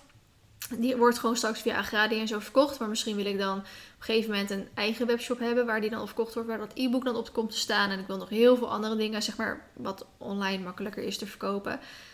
Eh, dat ik denk, oh misschien maak ik dan toch wel weer een eigen webshop. Maar ik weet niet of ik het dan moet combineren. Weet je wel, even een zakelijke website zoals die nu is. En Ja, oh ja, dat is wel een goeie. Ja, dus zeg maar, ik zou toch denken alles op één. ja, Want als mensen je googlen, ja, welke website komt als eerste dan ja te dat is staan? sowieso. Maar goed, dan moet ik hem nog een keer even helemaal omgooien. Ja, Even iemand, gaan zoeken die dat voor me wil doen en geen 2000 euro kost. nee, ja, nee, het is wel echt prijzig dan. Ja, Ja. sommigen doen het echt voor een paar honderd. Ja, Maar dan moet je al gauw bij studenten kijken of net Ja. beginnende. maar dat vind ik ook zo. niet erg, want zoveel vraag ik. Zoveel hogere wiskunde is, Nee. eh, is het niet. Hoe wij maar goed, oké. Eh, genoeg over websites. Eh, je hebt toen je, je- jouw website helemaal omgegooid. Helemaal nieuw. En heb je ook flink zitten promoten. Eh, en toen kwam je e-book, Ja, klopt. Ja, ik, toch? dat- In die volgorde een beetje. Ja, nou ja, voor heel veel mensen kwam het inderdaad een beetje plots. Mhm. Maar ik was er natuurlijk sowieso al lang Ja. mee bezig. Maar eigenlijk, het beginsel van dat e-book had ik echt maanden terug al af. Nou ja, een hele versimpelde versie. Want ik zou eigenlijk met een paar fotografen een winactie doen. En dan een soort van groot e-book. En de ene zou doen, dat was ik, dan over modellen aansturen. Mhm. En de andere over eh, instellingen van je camera. En de andere weer over locaties of zo. Is er nooit van gekomen, want... Oh, wel jammer. Het is op zich wel een leuk idee. Ja, het was zo... echt superleuk. Ja. Maar ja, het was, de ene had geen tijd en had de andere weer examens. Nou ja. En, Terwijl in eh, principe, want jouw e-book is 14 pagina's of zo, toch? Ja, nou ja, ik heb hem dus echt flink uitgebreid. Ja, dus maar- hij was echt vijf of zo, denk ik. Ja, maar als ik even denk aan mijn, mijn boek wordt straks 140 pagina's. Ja. Daar ben ik ook lang mee bezig geweest. Maar als ik soms echt even echt erachter zat, dan had ik gewoon acht pagina's in zes uur geschreven. Ja, En dat waren ook flinke stukken tekst. Dus aan de ene kant, als mensen zeggen, ah, ik heb geen tijd. Aan de andere kant denk ik, ja, maar als je er echt even een paar uurtjes aan zit, dan... ja het, kijk, het is wel van, je wil natuurlijk wel echt iets goeds neerzetten. Dus Ja. ik heb wel vaak gewoon even een dag laten liggen, volgende dag weer verder, Ja. Zo door. Ja, tuurlijk. Want je moet even over nadenken. En Ja, is, het nuttig? Vinden mensen het Ja. leuk? Maar inderdaad, op dat niveau zoals wij het zouden doen met die winactie, dacht ik echt van, nou, kom op. Ja. Dit, dit kan gewoon in een half dagje gewoon helemaal af zijn. Ja, Maar ja, het, het idee was superleuk, maar de ik zou zeggen, doe het zelf. Ja, kan ook. Ga gewoon zelf over eh, e-book over instellingen en eh, locaties en weet ik het wat. eh. Ja. Nou ja, het, het ding is wel, zeg maar... Kijk, ik weet wel veel. Ik weet eigenlijk volgens Mhm. mij vrijwel alles over instellingen en zo. Mhm. Maar omdat ik gewoon zo makkelijker ben ingerold en ik heb gewoon geleerd door te doen. Dus ik Mhm. heb nooit echt heel theoretisch van, nou, deze instelling moet je hiervoor gebruiken en dit hiervoor. Ja, precies. Dus dan heb ik zoiets van, weet ik er genoeg voor? Oh ja. Of, want ik, ja, ik leer sowieso altijd door te doen. Mhm. Maar dat ik denk van, ja, misschien moet ik toch eerst dan even in die theorie nog verder duiken van de precieze benamingen, precieze... Dus ik heb wel het idee van, voor wat ik doe, zijn mijn instellingen, wat ik weet, allemaal gewoon Mhm. 100% perfect. Ik weet Mhm. precies hoe het moet. Mhm. Maar als ik dat dan ga verkopen aan anderen, dan wil ik er eerst toch even zeker van zijn van... Ja. Oké, weet ik precies alles en kan ik meer vertellen en meer waarde leveren dan ze nu al Ja. weten. Ja, oké, is dat wel hoe je doet. Ehm, op dat gebied, eh, vind je het soort van jammer dat je niet een fotografieopleiding hebt gedaan dan? Of denk je, nou, Nee, maakt niet uit. nee want eh, ja, niks tegen fotografieopleiding. Maar iedereen die ik ken die een fotografieopleiding heeft gedaan... of ze hebben hem niet afgemaakt... Mhm. of ze hebben zoiets van, ja... Ik had het beter zelf kunnen leren met een cursus van een half jaar. ja. Dus er zitten ik, vast echt wel goede fotografiescholen tussen hoor. Dus Ja, eh, nou, ja, ik heb dus ook echt wel een slechte ervaring ermee. Meer, ehm, ik heb zelf helemaal nooit op zo'n opleiding gezeten. En ik ken ook vrij weinig mensen die op zo'n opleiding hebben gezeten. Maar bijna elke fotograaf die ik ken, die heeft helemaal niet zo'n opleiding gedaan. nee, klopt echt. En die heeft allemaal zelf aangeleerd. Zelf oefenen, oefenen, oefenen, oefenen, oefenen. Ja. Zelf eigen gemaakt. En ik moet ook zeggen dat ik eh, echt op een paar fotografen na... Bijvoorbeeld mijn eh, Sanne, eh, Sanna Ja. is mijn vaste fotograaf, zeg maar. Die heeft wel de fotografieopleiding gedaan. maar dat is ook wel... Ik merk echt dat zij daar wat aan gehad heeft. Dus zij heeft waarschijnlijk gewoon echt een goede opleiding gevolgd. Ehm, maar ik heb ook eh, mensen die ik volg, die ik al heel lang ken. En daarvan, waarvan ik weet dat ze een fotografieopleiding hebben gedaan. En dat ik echt denk... Die heeft die afgerond, diploma gehaald. Dat ik echt denk, ik kan nog betere foto's maken dan... Ja, nou ja, ik heb van dat soort mensen die inderdaad gewoon echt een opleiding hebben gedaan, heb ik ook wel eens de vraag gekregen van ja, geef je workshops en zo. Dat ik denk, eigenlijk qua lesgeven zou jij meer dat Ja. beter kunnen doen dan ik. Maar ja, dat is dus niet altijd Terwijl ik denk, zo'n fotografieopleiding, hè, duurt vier jaar, toch? Ja, ik denk het. Ja, mbo, Ja, MBO misschien anders, maar HBO... weet ik niet. Misschien wel Nou, laat vier. even ja, vier jaar. Drie of vier jaar. 2000 euro per jaar kost het. Ja. oh, als je het zo zegt. En als je eigenlijk gewoon in een workshopie van de Ja, van paar, 100 of zo. paar uurtjes of zo. Of, eh, ja, 100 euro. Ja, of je doet inderdaad even van die meerdere cursussen of zo. Ja. Kan je ook gewoon 6000 euro. Ja, dat is waar, joh. is toch heftig als je er zo over nadenkt eigenlijk. Ja, ja, soms dan. Maar ik heb ook wel eens met mijn opleiding dat ik denk, ik wil heel veel verder in social media en zo. Mhm. Ik heb niet heel veel geleerd over social media. En vaak dan van als je bij een groot bedrijf werkt, dan dat ik denk, ja, maar dat wil ik niet. Nee. Dus ik zit dat social media gedeelte mezelf nu gewoon vooral aan te leren. En ik heb soms met bepaalde cursussen meer geleerd dan in een half jaar school, denk ik. Ja. Dus dan, dan denk ik ook wel eens van, oké, ik heb sowieso die basis. Alles wat voor mij nu super vanzelfsprekend is, dat heb ik echt al op school geleerd. Dus dat moet ik me soms wel echt even goed beseffen. Mhm. Maar soms denk ik wel van, ja, de echt, het verdiepende, dat moet ik mezelf nu echt gaan Ja. aanleren. Maar ik heb ook vooral inderdaad het idee dat op school leer je een beetje die grote lijnen dingen of zo. Maar Ja. al de verdieping moet je jezelf inderdaad maar aanleren of bij een bedrijf eh, leren of zo. Ja, dat is wel echt zo, Ja. denk ik. Net zoals dat ik, ik zat van de week met Kavloor, omdat ik eh, tour ambassadeur van Kavloor ben. En zij hebben er ook eh, sinds een tijd iemand ingeschakeld die hun helpt met de marketing. En zij zit er ook bij en ehm, zij zei ook tegen mij van... We missen echt mensen in de paardenwereld die verstand hebben van marketing. Nou, dan kom ik. Ze zegt, die missen we echt. Dus spoor iedereen aan om marketing te gaan doen. Ja, maar het is wel echt leuk. Want bijvoorbeeld eh, echt voordat ik überhaupt bezig was met van... oh, ik ga in mijn fotografie iets met communicatie erin stoppen. Mhm. Toen volgde ik dat EHS Communication. Ja. Volgens mij zat jij of zit jij erbij? Ja, ik zit erbij, ja. Ja, nou ja, ik zag het toen een keer omdat echt helemaal op het begin toen zij net daar begon dat Made eh, in zo'n bericht van hun getagd werd. Toen dacht ik, Mhm. oh wat leuk. Toen dacht ik, ja, dat lijkt me ook leuk met Mhm. paarden en communicatie. Maar ja, die zitten hartstikke ver in Ja, die in. Limburg inderdaad. Dus dat had ik meteen afgeschreven. Het zou wel super vet zijn, maar het is ja, het zou wel echt leuk zijn. Maar toen dacht ik van ja, dat is er bijna niet. Nee. Echt gewoon, echt paardensector en dan communicatie. Ja, dat, dat vind je bijna nergens. Het is ook echt dat ik eh, totaal geen tijd heb voor een baan erbij. Eh, maar anders zou eigenlijk bijvoorbeeld zo'n baan die zij vaak hebben, zou echt wel van mijn droombaan zijn. Ja, In marketing en met paarden en ehm, online en zo. Dat zou, dat zou ik echt heel leuk vinden. Ja, sowieso bij mij gewoon qua dieren. Als het iets met dieren of ja, voeding dus eigenlijk ook wel stiekem Mm. nog steeds een beetje. maar ja, dan vind ik het super leuk. Maar eigenlijk, dus nu is mijn hoofdfocus gewoon lekker social media bij mijn Ja. eigen bedrijf. eh, beetje Ja. kijken hoe en wat en Ja. allemaal leren en En je hebt ehm, net je nou ja, cursus gelanceerd. Ja, mijn cursus die eh, is nog Nee, in ontwikkeling. Je, maar... je e-book Ja, mijn e-book. ja, een soort van cursus is het eigenlijk ook, maar dan Ja, tekst. Ja. Maar tekst inderdaad. En je wil dus ook een cursus gaan lanceren. Ja. En die cursus gaat over? ja, die was dus over eh, je ideale klant eh, oké, ja. aantrekken. Ja, ja, precies. En ehm, in de toekomst nog meer cursussen, e-books? Nou, ik wil E-boeken? sowieso... Ja, qua e-books eh, heb ik vast wel allemaal ideeën. En ook gewoon gratis e-books die wat simpeler zijn. Mhm. Gewoon, dat is ook leuk om te delen. Ja, En dan kunnen mensen hun e-mailadres opgeven. En dan ja. kan ik jij ze lekker spammen met Ja, eh, kan ik ze lekker spammen. lekker, ja, blogs of zo lijkt me ook wel heel leuk. Ja. Maar dat, dat eh, zijn echt allemaal ideeën dat ik denk... Oké, nu even focussen op dit. Dan komen al die leuke extraatjes wel. ja. Oh, zo herkenbaar. Want ik wil ook, het staat nog steeds op mijn to-do-lijstje. Ja, ik heb, dit is mijn to-do-ding. maar ergens hieronder staat een lijstje. En daar staat nog steeds dat er allemaal blogs moet schrijven. Dat is ook een van de dingen die ik op de website dan wilde doen. Dat ik ook blogs kan schrijven. Ja, maar dat is toch superleuk. Ik heb Ja. ook in mijn notities van mijn telefoon echt... Ook alles wat gewoon in me opkomt Ja. voor die cursus die ik nu aan het maken ben... dat schrijf ik dan in één notitiedingetje Mhm. in een nieuwe. Dus ik heb honderden dingen waar ik doorheen moet scrollen... dat ik denk, oh ja, hier stond een idee voor een e-book. Oh, hier nog iets Ja. voor de cursus. Wat kun je veel verwerken? Ja, ja. Zo chaotisch. Ik moet er Ja. echt nog eh, Trello of zo voor gebruiken. Zo'n systeem. Dat is echt... Maar het is wel heel lastig, want ehm, ik merk het nu ehm, eh, met mijn boek ook. Dat daar, op zich, daar gaan eh, maanden overheen. We begonnen bijvoorbeeld met 90 pagina's. Oh, en ja. nu op 140. Omdat je dan eigenlijk gaanderweg denkt... oh, dit is ook nog leuk om erbij te doen. Oh, dit is ook nog leuk om erbij te Ja, doen. ja. Ah, dit ook. Ja, dat heb ik dus met die cursus ook. Dan had ik opeens 5000 woorden. Dat ik denk, jeetje. Want ik wil het in video gaan doen. Dus ik wil Hmm. het gaan inspreken. Dus dan wordt het vaak gaat het wel sneller. Ja.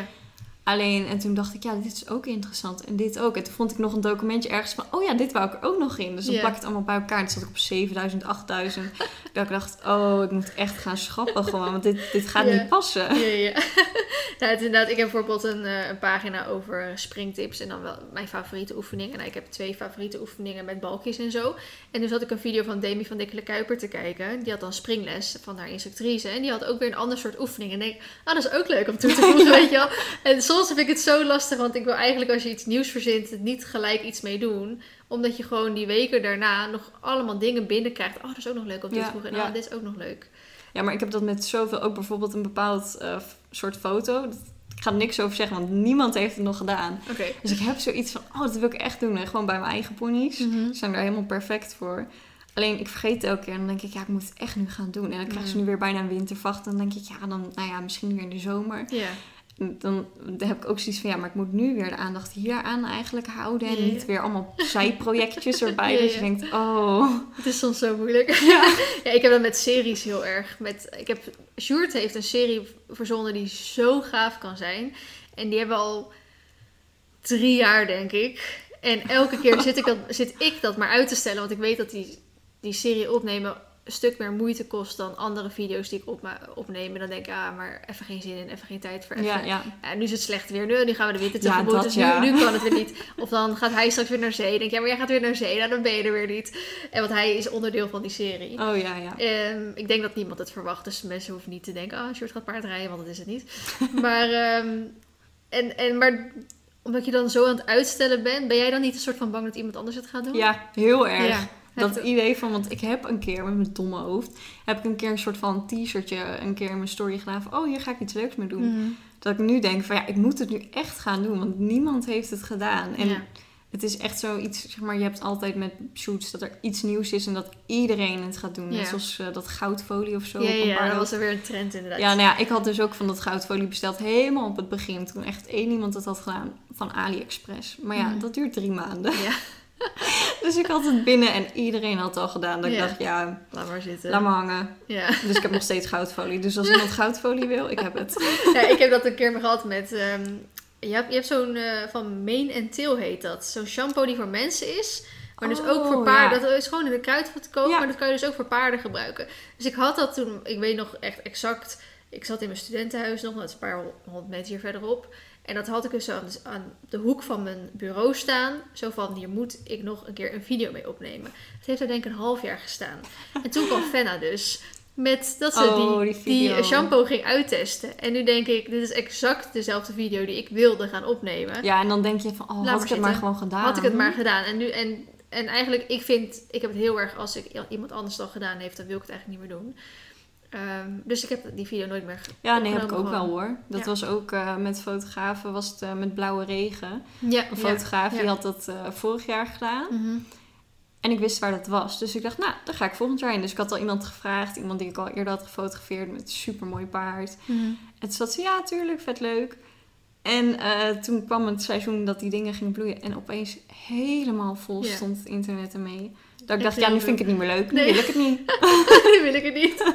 nou, dat, dat had ik zelfs een beetje. Dat ik zo door zoveel fotografen gevraagd werd van... Wil je blauwe regen dit, blauwe regen dat? Maar het was allemaal pokkenver rijden voor ja, mij. joh. Alle- De ene was in Kampen, de ander was eh, in eh Ja, Den Bosch of zuiden, zo. ja. Dat ik echt dacht, het is dik een uur rijden voor mij. En het is heel vaak in een park, in een woonwijk of zo. Volgens mij mag dat officieel Ik weet, niet. nou, dat denk ik Ja, volgens mij was er er toestemming gevraagd voor één paard. En ja, dan, zoiets. Maar ik, als ik dan ver rijd voor een, ehm een fotoshootlocatie, dan wil ik het eigenlijk combineren met een buitenrit. Dan denk ik, ja, dan heb ik Oh, op zijn ja. minst heb ik er nog wat aan. ja, Ehm, maar ja, dat komt daar ook weer niet. Want dat nee, zit midden in ja, de het gaat ook je. heel snel. Het is echt volgens mij iedereen had maximaal, wat is het, een half uurtje of zo, of twintig minuten Ja. of minder. Dus ik had zelfs ook op een gegeven moment van, nou, laat maar zitten. Eh, pff, Ja, maar dan kom je daar aan en van dan, die blauwe regen. ja, en dan sta je een paar poses en dan klik en dan is van ja, hop, weg, volgende komt eraan. Ja. Dat, ja. Ja, dus daarom, ik, ik heb het niet gedaan, maar ook al, ik vond de foto's wel heel mooi. Dus Ja, ik ook misschien echt. aankomend jaar als het er weer is, dat ik het dan toch wel doe. ja, ik vind het wel heel mooi, maar ik denk dat er echt problemen gaan komen volgend dat jaar met gemeenten en Maar zo. ik, wat, wat ik dus een oprecht goed business idee vind, waarom is er niet iemand met een stukje grond over die al die bloemen gaat planten? Ik snap het niet. Al die zonnebloemen, want dat is ook hartstikke mooi om in een zonnebloemveld te doen. Eh nou, eventueel heide of, eh, hoe heet dat, uh, lavendelgezeik. ja, ja. Blauwe regen, eh een paar mensen zijn ermee bezig. bloesembomen. Dat duurt vaak Ja, bloesembomen. Ja, ik heb twee eh, prachtige bloesembomen in de tuin, maar ik heb een hele kleine tuin, dus Ja. daar gaat nooit een paard in passen. Ja, Heel maar jammer. dat, dat, dat vind ik oprecht een goed idee. Ja, nou ja, er zijn er is sowieso volgens mij één of twee fotografen die, die zijn daar volgens mij echt wel mee bezig geweest. Volgens mij hebben die al een afspraak met een boer met land of Ja. zo en dan allemaal bloemen planten. Ik zou, ja, En dan gewoon geld vragen. Ik, maar ik zou dat echt slim vinden als iemand inderdaad een soort... Kijk, als je inderdaad zo'n bloemen... Net zoals dat in Dordrecht is, die, die oh ja. Ja, Sjoerd woont daar dus vlak naast. Dus wij kennen dat al jaren, dat stukje. Ehm, nooit eigenlijk gedacht om daar... Maar, maar goed, dat is fucking herrijden voor mij met mijn paard. Ja. Maar ehm, ik dacht oprecht, waarom is er niet één stuk grond... waar je van alles... Daar een beetje lavendel, daar een beetje zonnebloemen... daar zo een eh, bloesem en daar zo blauwe regen. Blauwe regen is volgens mij ook super giftig voor paarden. ja, heel giftig Dus daar moet je ook weer mee uitkijken. dus ik denk, waarom doet niemand dat? Ik, als ik fotograaf zou zijn, zou ik er oprecht geld voor betalen. Van nou, eh, Ja, ja, snap ik ook 20 wel. euro per uur of zo, weet je wel. Om een beetje daar met een paar paardjes foto's te Ja, maken. ja nou, er zijn dus volgens mij fotografen die er echt mee bezig zijn. Maar ik heb zoiets, die, die jacht op bloemenvelden en zo, dat Zo, was echt een jacht. En mensen die niet elkaar gunnen om te vertellen. waar Ja, die gunnen elkaar licht in de ogen niet. Dus ik heb uiteindelijk, ik wist een beetje de trucjes van Hmm. fotografen, hoe ze dat konden vinden online en zo. En dat is Ja. echt super makkelijk. Ik, echt, ik snap niet hoe anderen daar niet op komen. Ik Hmm. bedoel, wil best wel zeggen, je zoekt gewoon hashtag bloemenveld op Ja. Insta. Ja, en dan vind je het. Ja, Ja, inderdaad. en dan stuur die mensen gewoon een berichtje. Hey, hallo, Ja. mag ik vragen waar dit bloemenveld was? Ik vind Ja. het zo, Zo mooi. heeft Tessa Bezemer laatst eh, mij een, eh, een foto inderdaad van, inderdaad, die had hashtag zonnebloemveld of zo weet ik wat Ja. gezocht. En die kwam toen op een zonnebloemveld in Ede uit. En toen vroeg ze, Vlie, wil je even voor me kijken? dus ik daar even heen gereden. Ik kon het gewoon echt oprecht niet vinden. Ik, ik heb overal voor je Ik heb blijkbaar in Wageningen ook een zonnebloemveld ergens. Ik kan het niet vinden. Maar Nee. ja, dat is volgens mij ook een klompenpad. Dus daar mag je niet komen met Oh, paard en zo. ja. Nee, maar echt die jacht daarop, joh. Ik ben blij dat het alweer voorbij is. Ik word er zo moe Ja. van. Dus ik heb er een tijdje ook geprobeerd om dingen te vinden. Maar Mhm. dan moet je erheen rijden, moet je gaan kijken. En vaak is het ook dat je daar helemaal niet mag komen. Dus ik heb ook Mhm. vaak genoeg gehoord van mensen die worden weggestuurd door boze mensen. Oh. Door politie, Mhm. door boze boeren. Dat ik denk, ja, dit is het zo Dat- niet nee, waard. is het ook niet waard. Ik ga wel lekker naar een natuurgebied. Vind ik eigenlijk meestal mooier. Is veel veelzijdiger. Het, het is inderdaad veel veelzijdiger. Ja. Ehm, En het, het is legaal. ja, Dat is ook wel fijn. Heel, heel belangrijk. Eh, maar het is wel af en toe leuk voor de afwisseling. Ja, dat snap ik ook wel. Ik heb eh. ook wel een bloemenvelden gefotografeerd. Vaak was dan meegaan met een andere fotograaf. Mhm. Maar ik heb ook wel eens een keer dat ik meeging met iemand eh, naar een graanveld. Ja, toen kwam ook gewoon de wijkagent van, dit is niet de bedoeling. Maar ik dacht, ik heb het niet georganiseerd, dus nee, precies. ik ga mijn handen eraf. niet mijn probleem. Maar, eh, dus ik heb wel zoiets van, ja, vind ik het die moeite en tijd waard? Want je moet ook echt gaan kijken van, is het geschikt voor foto's? Zit er Ja. een mooie boomgrens? Dat Mhm. ik denk, ja, ik ga niet een uur rijden voor een bloemenveld waarvan ik wel precies weet waar die zit. En dat je dan denkt, dan sta je daar en dan denk je, ja, mag ik hier eigenlijk komen? Waarschijnlijk niet. Nee. Hm, nou ja, terugrijden een uur. Ja. Ja. Maar ik zou het ook wel zonde vinden als je zegt, nou, dit en dit kan. En dat je dan je model straks daar helemaal heen is gekomen. Die betaalt je voor een foto en, dan word je weggestuurd. Ja, Ja, dat is ik, toch wel heftig dan. ik, misschien is dat wel gebeurd bij mensen, maar ja, die gaan dat natuurlijk niet Nee. zeggen. Maar net als je toestemming hebt van iemand of zo, zou het er wel Ja, nou ja, ik voel me daar gewoon echt te verantwoordelijk voor. Ik zou me zo kapot schamen als dat gebeurt. Ja, snap ik helemaal. Dat zou ik echt. Daar ben ik dus echt te, te regelnicht voor. Ja, ja. Ik zou dat echt niet kunnen. Ik bedoel, Nee.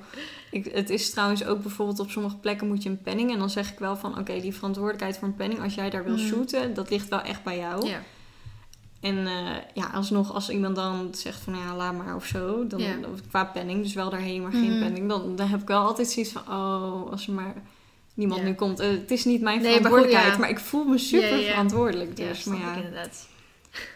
ik, ik, heb, ik heb je natuurlijk net verteld dat we een huis gekocht hebben. Dat is het eerste dat ik nu vertel. Dus degene die deze podcast luistert, die weten dat als eerste. Ik heb het wel een soort van op YouTube, omdat ik dus vrij, afgelopen vrijdag geen eh, video online kon komen. Omdat ik gewoon heel de week heb zitten onderhandelen. Oh, dat was ik was, gewoon een kleine teaser al van Ja. goed nieuws. Ja, inderdaad. Van, ik heb slecht nieuws en goed nieuws. Slecht nieuws, komt geen video online. Goede nieuws is, hè, want ik heb heel de week zitten onderhandelen. Nou, ik heb echt buikpijn gehad, stress, alles. Het was echt niet leuk. Nou, er komt een flinke, juicy storytime over hoe, hoe dit gegaan is. Oh. Ehm, maar ik ga nog helemaal niks zeggen dat die handtekening eronder staat. nee, logisch. Anders ben ik heel erg bang voor eh, dingen.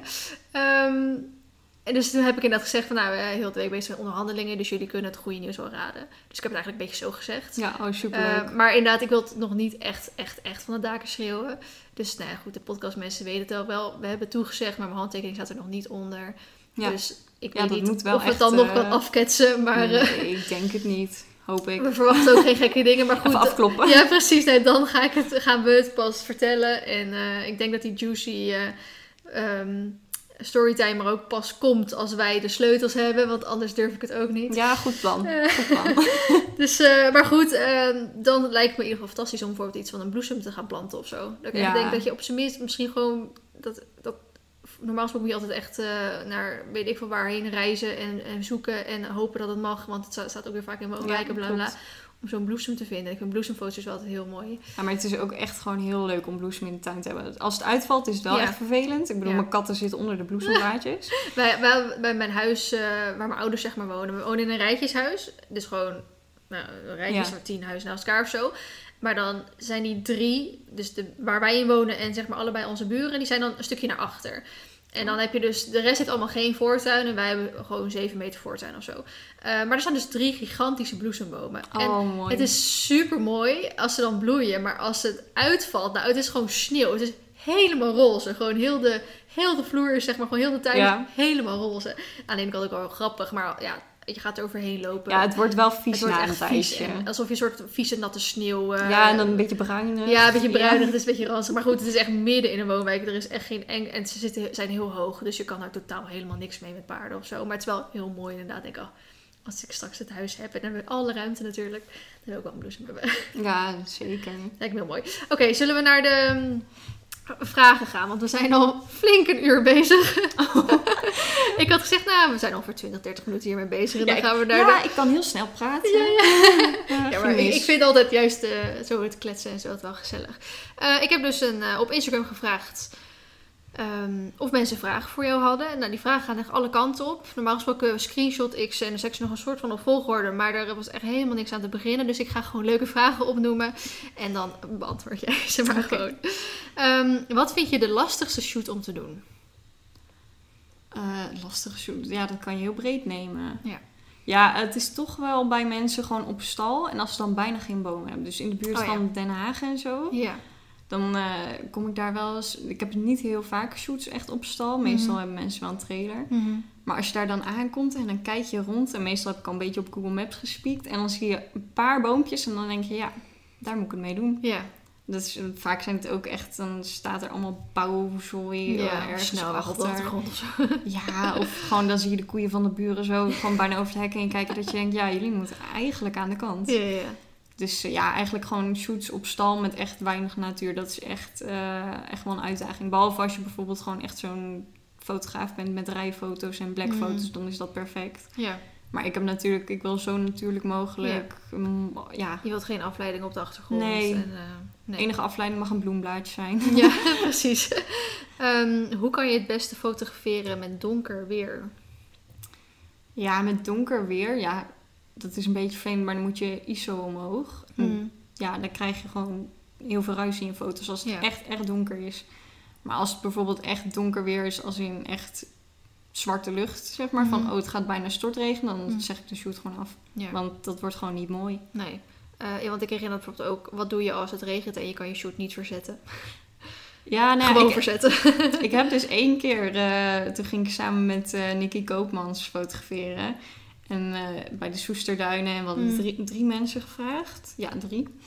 En ik zat een beetje naar die weersvoorspellingen te kijken. Ik denk, ja, het is niet goed hoor. Toen zat ze, nee, komt wel, gaat wel goed. En toen kwamen we daar aan en toen kwam er echt... We zagen het buienalarm. Er kwam een stortbui over ons heen over dan 10 minuten. En we waren er over 10 minuten. En eh, toen hebben we maar gewoon plastic zakken over de lenzen en de camera gedaan en gaan Oh ja. fotograferen. En er zijn best wel echt wel gave foto's uitgekomen. Die foto die ik op had Ja. gedeeld was ook van... eh, ja, was dit- dat, dat, was van die shoot. Dus eh, bij eentje is het, bij een klein meisje is het wel droog gebleven. Mhm. Dus daar had je, kon je een beetje tussen de buien door. Dus dat is ook wel eventueel een tip als je gewoon echt genoeg tijd hebt. Ga ondertussen even ergens schuilen. Mhm. Maar ja, en anders moet je je gewoon aanpassen. Dus neem altijd een plastic tas mee, ook al blijkt het droog te, lijkt het droog te zijn. Mhm. En gewoon fotograferen. Ja, dan krijg je een regenshoot. Ik bedoel, het ziet er ook wel leuk Het is ook uit. weer even wat anders. Ja, ik had het nog nooit gedaan. Ik dacht even Nee. ook van, oké, ik had toevallig ook een, een plastic tas mee. Heb ik nooit eigenlijk. Nee, Maar dan had ik om op te zitten en zo. Maar ja, ja, gat ingescheurd en lens. slim. maar deze zegt, love Nina, ik zo. Love you too, Marie.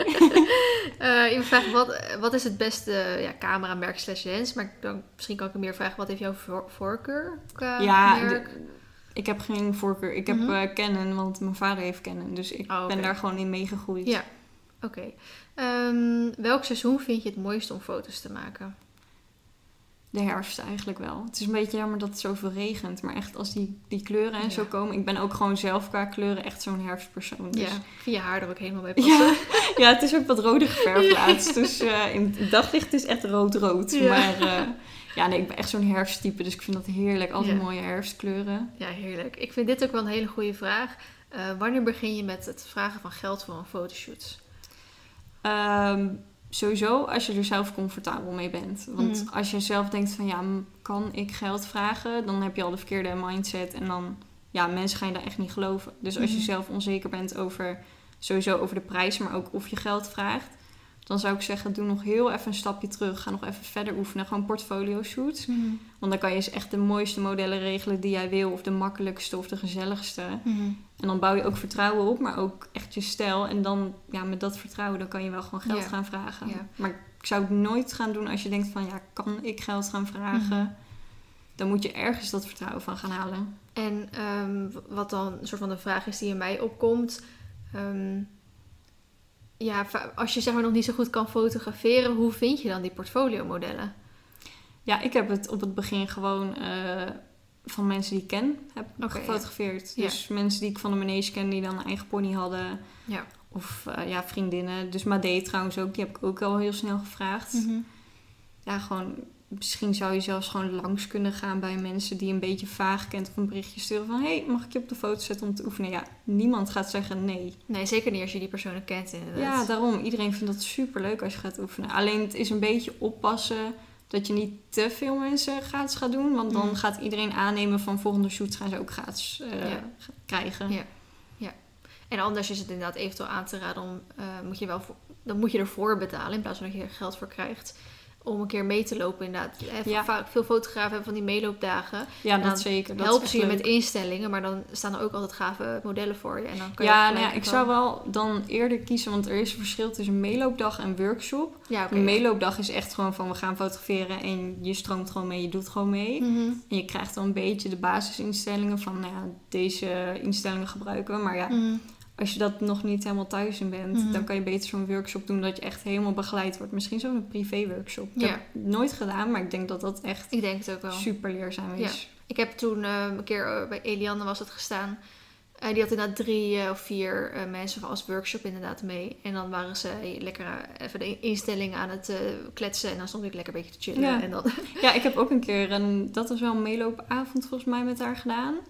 Was ook super leuk. Toen hebben we ook inderdaad gewoon even de instellingen gedaan. Maar niet, Ja. je wordt niet op dat moment met die meeloopavond niet constant begeleid. Want daar wordt wel een beetje denk ik uitgegaan van ja, je weet de ja, basisinstellingen. precies. Deze mensen hadden ook allemaal gewoon goede camera's. Ja, het is gewoon een beetje overleggen van oh, wat heb Ja. jij als instellingen. Maar ja, ja. als je het echt, echt wil gaan leren helemaal op het begin, dan zou ik wel echt privé ja, workshops doen. denk ik wel. Oh ja, en ik heb er laatst een met ehm, Shelby gedaan van Artistics eh, Fotografie. Oh ja, en toen ben ik vandaag gaan volgen volgens mij. Oh, echt? Of ik zag er, ik dacht wel van oh, die moet ik even terugvolgen. Ja, ja. En die, die had, ehm, daar, ik dacht dus ook, er kwamen, er komen drie mee en er kwamen er echt tien mee of zo. Dat ik in dacht, oh, Oh, tien. dit is een soort, eh, lijkt het wel een soort book- booked meeting, eh, lijkt het hier wel. Oh ja, nou dat was altijd. Ik heb één boekmeeting gedaan, zo chaotisch. Dat zou ik niet per se iedereen Nee. aanraden. Ik vind het wel grappig, vroeger was het echt, die booked meetings, die, dat waren, was gewoon de shit. En toen had je Instagram natuurlijk nog niet zo super erg of zo. Oh, ik weet niet, ja. misschien was dat nog voor jouw tijd. Ja, nee, ik heb eh, dus een beetje aan één boekmeeting gedaan. Eentje wou ik bijna meedoen, maar dit ging meteen al niet door qua Hmm. organisatie. Maar het, wa- het- ja, het is volgens mij nog steeds wel populair. Ja, wordt nog steeds wel gedaan, maar daar begon het volgens mij mee met dit soort dingen. Dat, dat mensen zich als model konden opgeven, mensen zich als dat konden opgeven. Wij hebben het een keer zelf georganiseerd met de Marley Lookalikes eh meeting. Oh, echt? Echt, oh, ja, eh, dat heb ik al eens gezien, Echt ja. heel lang geleden, inderdaad. Daar kwam Min eh, dan Vu ook Oh ja. mee. Ehm, wij hebben haar volgens mij toen wel uiteindelijk met z'n allen betaald, betaald omdat zij dan echt, natuurlijk echt wel professioneel Ja. was. En de rest was allemaal een beetje nou, voor de leuk. En eh, die hebben we toen ook wel geregeld. Maar dat is wel een ho- hoop gedoe om zoiets te regelen. inderdaad. Ja, ik, ik, eh, met vooral meerdere modellen ook. Ja. Dat lijkt me echt heel lastig. die tijd instellen en dan ook weer door naar de volgende fotograaf en dan weer dit en zo. Maar goed, ehm nou, het best wel wat vragen voorbij gekomen over of je tips hebt als je eh, zelf gewoon leuk vindt om af en toe gewoon met je telefoon foto's te maken. Dus wat voor tips je telefoonfotografie. Ja, nou, ik zou als allereerste, ehm, als je telefoon het kan, dat je inzoomt. Want meestal een telefoon die heeft een beetje zo'n groothoeklens. Mhm. En dan lijkt zo'n paardenhoofd opeens super groot en het Mhm. lichaam heel klein. Dus of je moet echt van ver af eh, een foto maken van het hele lichaam. Maar als je bijvoorbeeld alleen het hoofd hebt, dan is het echt zo'n heel uitvergroot hoofd. Net zo'n zo'n poppetje Ja, wat ja. je vroeger, Little Pet Shop of zo. ja, ja, precies dat. Maar ja, dus eh, de meeste nieuwe telefoons die hebben wel echt zo'n goede inzoomfunctie. Want dan, ja, dan wordt het net wat minder groothoek en dan kloppen die verhoudingen net wat beter. Ja, en verder, ik zou gewoon altijd een beetje rekening houden met licht. Ik denk met tegenlicht fotograferen met mobiel wordt een beetje lastig. Mm, Dan zou ik het wel echt bij professioneel of nou ja, gewoon camera houden. Mhm. Maar ja, schaduw kan je altijd, dan, dat is super veelzijdige schaduw. Als, je, als het gewoon een bewolkte dag is, dan kan je echt overal fotograferen waar Ja. je wil. En ik denk ook de achtergrond is Ja. gewoon al heel snel belangrijk. Ja, ik, vind- zeg maar licht is eigenlijk het eerste, maar dat is dus... Ja, tegenlicht zou ik dus echt niet doen met telefoon. Kan ook wel mooi zijn, maar je krijgt niet de resultaten zoals je met een camera zou Mhm. hebben. En eh, ja, locatie dus geen drukke achtergrond. Liefst het model zo ver mogelijk van de achtergrond af. Dus niet recht tegen een muurtje. Ja, ja. Bijvoorbeeld in een weiland kan ook heel mooi zijn als je Ja. gewoon wil oefenen. Nee, duidelijk. Ehm, wat voor beginnercamera raad je aan? Ja, die vraag ik eigenlijk zo Ja. vaak. Maar er zijn zoveel ja, instapmodellen en ook zoveel merken. Ik bedoel, ik heb nog nooit met Nikon of zo een foto gemaakt. Of Sony of Mhm. wat zou je nog meer hebben? We doen ook Team Canon. Woe. Ja, ja. nog eh, Panasonic en eh weet Oh ik ja. wat. Ja, Fujifilm of zo. Fujifilm, ook ja. Ja, maar en Canon en Nikon zijn denk ik het meeste gebruikt. ik zou het beste gewoon echt eh, naar een camerawinkel gaan. Die kan je echt gewoon precies vertellen van wat, is- ja, wat is, past het beste bij je wensen. Want als je duidelijk zegt van ik wil paarden gaan fotograferen. Mhm. dan weten zij echt wel van, oh, die wil eh, ja, een zoomlens of zo. Ja. Ja, en ehm, ik heb dus wel eens gehoord, maar ik weet niet of dat helemaal klopt. Je hebt bijvoorbeeld bij Canon, daar fotograferen wij allebei mee, dat is het denk ik het makkelijkste. Eh, die heeft natuurlijk die cijfertjes, hè? de Canon D eh, dit. Ja. En dan heb je volgens mij de instapmodellen zijn de Canon 1000 en Ja, dit dat en met zo. ja, drie nullen. En dan, Ja, met drie nullen. En dan heb je die met ja, twee want, nullen, één ja. nul en zonder nul. ja, want mijn eerste was de 700D volgens mij. Die is Mhm. niet meer te koop volgens mij. Want Nee. dat raadde ik een tijdje mensen aan, maar die is helemaal niet te koop, kwam Oh, ik toen oké. achter. maar eh, ja, inderdaad. Maar dan ligt het ook echt aan wat je budget is. Dus diegene Ja. met drie nullen, dus 1000, 2000. Ik weet ook niet of de 1000 dan beter is dan de 2000 of Ja, dat andersom. niet precies. Geen idee. Nee. Maar ehm, volgens mij is lager hoe beter. Dat weet ik echt Ja, ik weet eigenlijk, oh wat erg. Nou ja, dat weet ik dus helemaal niet. Maar ja, die zijn dus goedkoper. Maar Ja. als je bijvoorbeeld net wat meer kwaliteit wil, dan moet je bijvoorbeeld een 700, 800, Ja. 200. Ja. Ja, en En als je dan weer wat beters wil, ik fotografeer met de 80. ja, Dus dan heb je de 80D en dan de echte professionele, die hebben vaak een 5, 6, 7. ja, klopt. Dus zeg maar, die getalletjes kan je een beetje aanhouden. Ehm, nu is het vaak met een fotocamera dat natuurlijk de body is één, maar de lens is denk ik belangrijker. Ja, ik hè? net zeggen. Ja, de lens is eigenlijk belangrijker. Want ik heb eerst eh, heel lang doorgefotografeerd met mijn 700D. Mhm. Maar wel echt zo'n die dikke grote 70-200 lens, die Ja. wel bekende. Die had ik gewoon op mijn oude body. En ja. dat was echt een bizar verschil qua kwaliteit meteen. Ik kon zoveel meer. Mhm. En uiteindelijk, toen ik dacht van, ja, oké, ik heb toch wel echt een betere body nodig. Toen heb ik een nieuw body gekocht. Mhm. En wanneer beslis je dat je een betere body zeg maar, nodig hebt? Is dat meer snelheid? Ehm, snelheid ook, want ik wou ook wat meer actiefoto's gaan doen. Mhm. En eh, lichtomstandigheden. Dus met tegenlicht, dan heb je wel het liefst een body die ook, zeg maar, wel goed in moeilijke lichtsomstandigheden Mhm. kan. Dus ik kom met mijn 700D kreeg ik al heel snel ruis als ik hem, ja, de ISO wat hoger zette. En deze 6D die ik nu heb, 6D Mark II volgens mij. Mhm.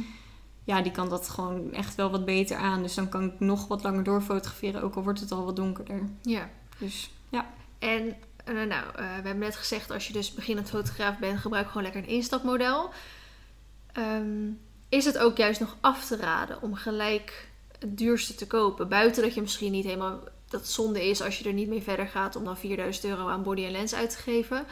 Ehm, ik heb dan altijd geleerd, eh, een instapmodel ehm, die fotografeert vaak wat meer automatisch, zeg maar. En eh, die hogere modellen, dus die 5, 6, 7, ehm, die, die moet je veel meer op je eigen instellingen zetten. ja je kan eh, de instapmodellen ook wel gewoon op je eigen instellen. Ja, dat heb ik wel gedaan. Maar bijvoorbeeld de scherpstelpunten. Bij mijn 700D had ik, wat is het, voor mijn gevoel 12 scherpstelpunten of minder. Volgens mij zelfs minder.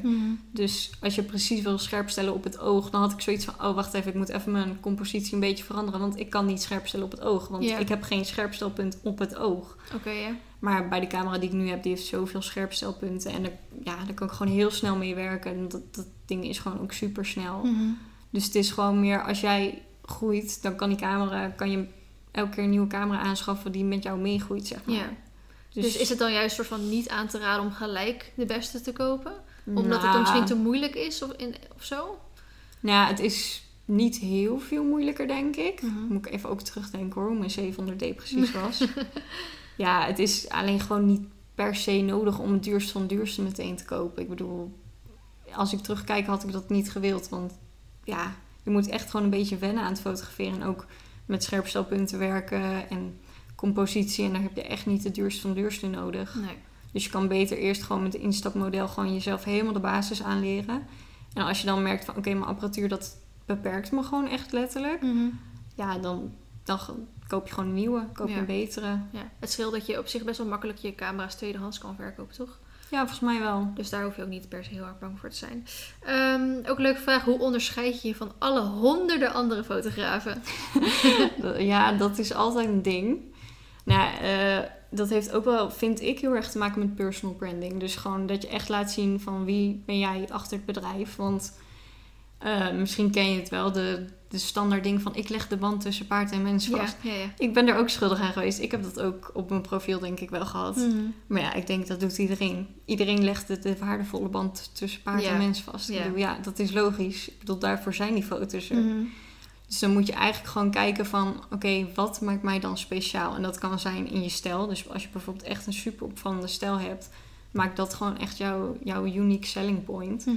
En bij mij is het bijvoorbeeld, ik eh, adverteer nu echt een beetje van met hele natuurlijke paardenfotografie. Dus ik bewerk mijn foto's wel best veel, maar het is altijd natuurlijk. Ik krijg nooit te horen van, Het is overbewerkt. ja, dat is wel heel bewerkt. Iedereen Mhm. zegt juist, het is heel natuurlijk. En dan Mhm. laat ik die before foto's zien, dan zit ze echt van, oh, dat had ik niet verwacht. Nee, precies. maar ook gewoon, zeg maar, qua wie ik ben. Ik ben gewoon best wel nuchter, direct, gewoon, ja, een hele droge humor. En dat vinden mensen tijdens shoots ook heel erg leuk. Ik bedoel, ik had laatst een shoot en dat was eh, met eh, iemand en de vriend was ook mee. En dan flikker ik gewoon bijna over een boomstam of zo. Dan zeg ik, ja, val ik bijna op een muil. En dat, ja, weet je, je moet gewoon een bepaald type mensen hebben. Kijk, in, iemand die heel chic dressuur rijdt, die zou waarschijnlijk van mij echt denken van, wat ben jij nou een Ja. type? Maar ja, dat is niet mijn klant. Ja. Dus die past ook gewoon echt niet bij mij. Dus ja, ik onderscheid me ook gewoon in mijn aanpak. Bijvoorbeeld qua foto's heb ik ook zoiets van... je hoeft echt geen pakket van tevoren helemaal vast te stellen. Mhm. Dat ik later kan bijverdienen als jij per stuk moet gaan bijbestellen. Ik heb zoiets van, ja, weet je, als je de foto's ziet en jij denkt opeens... oeh, ik wil toch wat allergrootste pakket. Ja. Geen probleem. Ja. Ik ga niet flauw doen met... eh, dan moet je per foto bijbestellen. Oh ja, ja. Dus ik ben gewoon heel relaxed, laid back daarin. En dat probeer ik ook gewoon een beetje uit te stralen. Ja, goeie. Ehm, wat is jullie mening van het gebruik van aanstekers tijdens fotoshoots? Daar is volgens mij best wel wat commotie over geweest Ja. de laatste tijd, hè? Oh, echt? Ja, dat heb ik een beetje gemist. Dat is vooral bij de blackfoto's en zo, volgens mij. Gewoon waar ze echt zo... Waar het echt 100% om de pose van het paard gaat. Ik ehm, zou het persoonlijk niet doen. Mhm. Ik denk dat het bij bepaalde paarden wel kan als je genoeg afstand houdt. Maar ja, ik zou het eigenlijk echt nooit doen. Ik bedoel, ook als ik naar die, mijn eigen mijn bijrijpony kijk, die zou Mhm. die hele aansteker opvreten. Want die eet alles. dat ik denk, dat is heel gevaarlijk. Je weet nooit, zeg maar, kijk, straks is er opeens zo eentje als die van mij. Mhm. Die opeens gewoon vol in je aansteker bijt. ja, je weet het nooit. Nee, inderdaad. Dus ja, ik zou het echt eigenlijk Nee. nooit ik, doen. ik snap hem wel een soort van een beetje de gedachtegang. Want ze Ja, echt oplettend kijken en echt... Ja, en die nek wordt mooi, Ja. mooi bol en Ja. sterk. Maar dan denk ik, ja, doe dat dan met een ballonnetje of zo. Wat iemand zo, hoe heet het, de lucht eruit laat vliepen of zo. Of ja, weet ik veel. Ik heb ook de gekste dingen gebruikt. Gewoon dat ik tegen iemand vroeg van... Hey, met deze tak even achter me heel hard gaan springen of zo. Ja, want inderdaad, wat, eh, die vraag eh, kom ik vanzelf een keer tegen. Ehm, wat voor voorwerpen gebruik jij of zijn echt eh, nou, handig om te gebruiken? Want de paardenhinnikgeluidjes die werken al lang niet meer bij Ja. die van mij. Nee, ja, de koeiengeluiden werkt ook. Ja. De Nee. echt eh, ezelgeluiden. Ik had laatst ook, wat was het? eh, Olympus die heeft laatst heel erg naar kalkoengeluiden gekeken. Ja, kalkoen. Kalkoen, vind, vind Dat was het. allemaal helemaal... dat was bij een shoot inderdaad. Ging iemand gewoon allemaal dierengeluiden. Dat was volgens mij een kalkoen inderdaad. Ja. En, en ik had hem laatst met zwijnengeluiden. Alleen dat was Oh. dus... Maar vinden ze dat niet eng? Nou, Marley vond het doodeng. Ja. En daar, daardoor ging hij dus heel mooi kijken. Maar ik wilde hem daarna nog laten liggen. Nou, hij ging echt niet Oh, liggen, nee. want hij voelde zich helemaal niet meer op zijn gemak. Je zag gewoon aan hem dat hij dat gewoon niet chill vond. Ja, nou ja, dat is sowieso een ding. Zeg maar, ik gebruik qua voorwerpen eigenlijk niet heel veel. Gewoon alles wat ik om me heen heb. Geluidjes maak ik zelf. Mhm. En eh, je kan ook een hondenpiepertje of zo Mhm. doen. En eh, ja, mensen om je heen met takken of gewoon heen en weer even een rondje laten rennen in de verte. Doen het met stoelen gooien of met zand gooien. Gewoon, ja, met zand gooien, met blaadjes gooien, wat dan ook. Ja. Maar uh, waar wou ik nou heen met mijn punt? Welke eh, dingen je gebruikt. Ja, maar de- ik wou juist even naar iets anders. Nou, kunnen we eventueel zo nog opkomen. Nou ja, dat komt misschien straks later. Je- oh ja, over, over Marley dan. Ja, ja. Nou ja, zeg maar, ik heb ook wel eens ballonnen gebruikt. Mhm. Dus van die geluiden. Maar vaak dat scheelt wel. Ik, weet, ik ben wel heel bewust van paardenlichaamstaal en zo. Mhm. Je moet wel heel goed opletten wanneer een paard het te spannend vindt. Want ik heb wel eens een paar keer dan tegen gewoon een lieve vriend die kwam helpen of zo even gezegd van oké, stop. Want dat ik denk van oh, nu, nu vindt hij het bijna niet meer leuk. En die Nee. grens moet je gewoon niet over. Nee. Want dan zijn ze de hele shoot gewoon helemaal gestrest. En zeg maar alles, altijd het gewoon welzijn van een paard, dat gaat gewoon voorop. Ja. Dus als een paard gewoon gestrest raakt van aandacht trekken, dan zeg ik van laat maar hangen, laat die oren ook maar gewoon lekker hangen. ja. Dan doen we gewoon knuffelfoto's. Ik wil geen Mhm. gestrest paard, dat vind, dat vind ik Nee, sneu. precies. Nee, nee snap ik. Eh, je had het net al over blackfoto's. Eh we kregen ook veel vragen met ja, je beste tips voor als je blackfoto's wil maken. Ja, daar ben ik niet echt de persoon voor Nee? eigenlijk. Nee, ja, ik heb wel eens blackfoto's gemaakt. Mhm. Ja, het belangrijkste is gewoon... Maar dit, dit is mijn advies en ik ben er niet een pro in, in blackfoto's. Maar in Mhm. ieder geval de achtergrond. Als je een paard in een stal zet, dus in een stalopening... opening Mhm.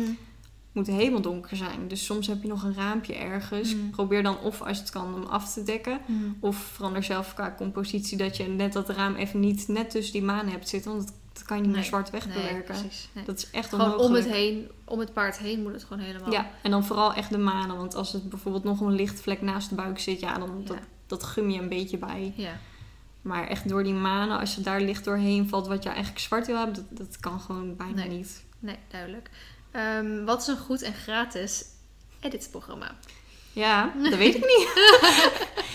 Eh, gratis, ja. Je hebt trouwens wel de Photoshop app Ja, volgens de Photoshop mij. en de Lightroom app. Ik vind de Lightroom app Lightroom app is volgens mij wel heel fijn. chill. Die gebruik ik wel voor gewoon mijn privé-account om foto's even snel te bewerken. Nou, ik doe hem dus, ik doe geen professionele fotoshoots, maar als die kinderen bij mij dagjes mee op stal komen, dan doe ik foto's van ze maken. En dan gooi ik ze gewoon via, ik kan ook wel eh, doen op mijn laptop of zo, maar ik vind het gewoon... Ja, maar Lightroom is gewoon wel het is lekker he- makkelijk echt dan. heel makkelijk en Ja. chill en gebruiksvriendelijk. eh, en je kan ook van die packs kopen, weet Ja. je wel. Ehm, en dat opslaan en zo. Het is echt super chill om het Ja, eh, is via Lightroom en Photoshop te doen. Ja, ik doe vaak een combi, want op Photoshop kan je dan vaak weer een lantaarnpaal wegwerken of zo. Oh ja, ja, klopt. kan best wel, werkt best wel makkelijk. Of een, een hoopje poep wat je ergens ziet liggen of zo. Dat, dat werkt dan even weg. Dat, dat kan met Lightroom dan weer niet.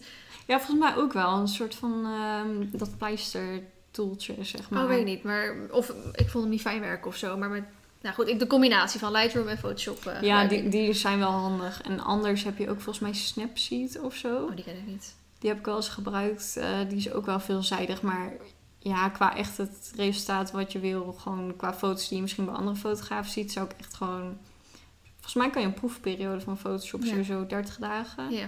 Daarna is het abonnement volgens mij met Lightroom 12 euro per maand. Ja, is natuurlijk voor sommigen echt wel veel Mm. geld. Als je je geld ermee verdient, dan is Ja. 12 euro op zich niet zoveel Nee, meer. dan maar- heb je het wel weer terugverdiend. Dus Ja. het is een beetje van waar, eh, hoeveel waarde wil je erin steken. Ja.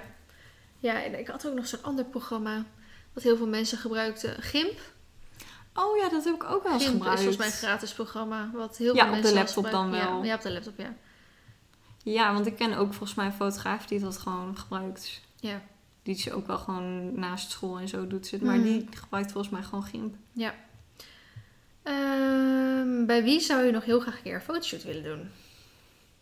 Ja, bij mij, dat, maar dat heb ik gewoon vanaf het begin al gezegd. Britt Dekker. Ik vind Britt Ja? zo leuk. Ja, maar die volg ik echt al sinds zeg maar echte meisjes in de jungle en zo. Ja, ja. Dus ik ken Brit denk ik gewoon, nou ja, ik ken, ja, ik ken. Brit gewoon heel anders dan de meeste mensen die dit denk ik luisteren. Mhm. Maar ik vind Brit gewoon zo'n leuk mens. Ook gewoon lekker droge humor. Ik bedoel, gewoon sowieso, kijk, qua foto's maken, ik vind haar paarden prachtig. Mhm. Maar het lijkt me ook gewoon kei gezellig. Ja. Het zijn wel, we zijn natuurlijk veel met eh, Eliane of met, eh met Equigenique doet ze natuurlijk Ja, foto's maken. Die foto's zijn ook altijd zo prachtig Ja, inderdaad. echt Echt. hè. Zeker met George, dat je echt zo'n sprookje is. Ja, dat is echt een sprookjespaard. Maar ja, dat is meer gewoon een bucketlist dingetje van, oh, het lijkt me echt vet gezellig. Maar qua uiterlijk en zo, het zal me echt een borst wezen. Als een shoot gezellig is, dan vind ik Hmm. het helemaal mooi. Ja, precies. Ehm, ik ga nog even een paar zoeken. Het zijn er nu heel veel dezelfde die we al... Ja, dat is wel altijd met van die vraagstickers. Krijg je Ja, heel veel, heel veel dezelfde. dezelfde.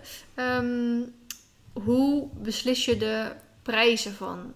Ja, wa- wanneer ga je omhoog? Eh, hoe, wat, hoeveel kost jij überhaupt? Ik weet niet of je dat wil zeggen op de podcast, maar... Oh ja, ja, ik heb het eh, met mijn website lancering eh, gewoon hoppa omhoog gedaan. Dus ik moet even denken hoor. Ook weer de prijs. Wat het nu is. Ja, Maar goed, in ieder geval hoe, hè, op een gegeven moment, we hebben het net gehad over wanneer ga je van gratis over naar betaald, maar wat voor bedrag vraag je dan en wanneer besluit je om omhoog te gaan en ja nou, dat is natuurlijk sowieso super persoonlijk. Mhm. En het ligt er ook aan van hoeveel tijd besteed je eraan. Sowieso altijd reiskosten rekenen trouwens, maar Ja. dat zit buiten je pakketprijzen. Ja. Ik zou dus sowieso met pakketten gaan werken. Dus bijvoorbeeld dat je doet vijf foto's is zoveel euro, acht foto's zoveel, twaalf zoveel. Of andere nummers, dat kan ook. Maar ehm, ja, het is super persoonlijk. Het is natuurlijk ook gewoon hoeveel je kan vragen. Want ik bedoel, als je een week eh, bezig bent en je hebt drie foto's op je account van dezelfde shoot, dan heb je nog niet dat vertrouwen. Want je Mhm. moet wel een soort vertrouwen wekken Ja. om Ja. überhaupt geld te kunnen vragen. Ja.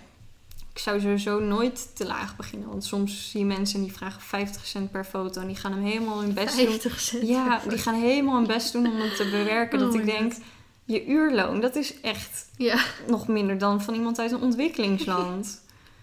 Dat is echt erg. Wat erg eigenlijk. Maar ik doe heel vaak op het begin, ik heb gewoon afgekeken van andere fotografen, dat ik dacht, Mhm. nou ja, ik vind jouw foto's wel ongeveer mijn niveau. Oh Wat slim. vraag jij? Ja, heel slim. En dan heb ik ook een beetje uitgerekend van nou, hoeveel tijd ben ik eraan kwijt, ook met Ja. bewerken. Want ik vind bewerken superleuk en ik vind het ook echt wel belangrijk. Dan maakt gewoon echt een foto mijn foto. Dus daar besteed ik veel tijd aan. En dan ga ik ook een beetje uitrekenen van oké, wat zou ik per uur verdienen? Ja. Maar ja, dat is echt lastig te bepalen. En met prijzen omhoog gaan, zou ik gewoon doen als je denkt, ja, zou ik mijn prijs omhoog doen? Als je jezelf meer waard vindt, waarom niet? ja. En misschien Meteen ook, doen. misschien ook een stukje vraag en aanbod. Ja, dat zeker. Ja.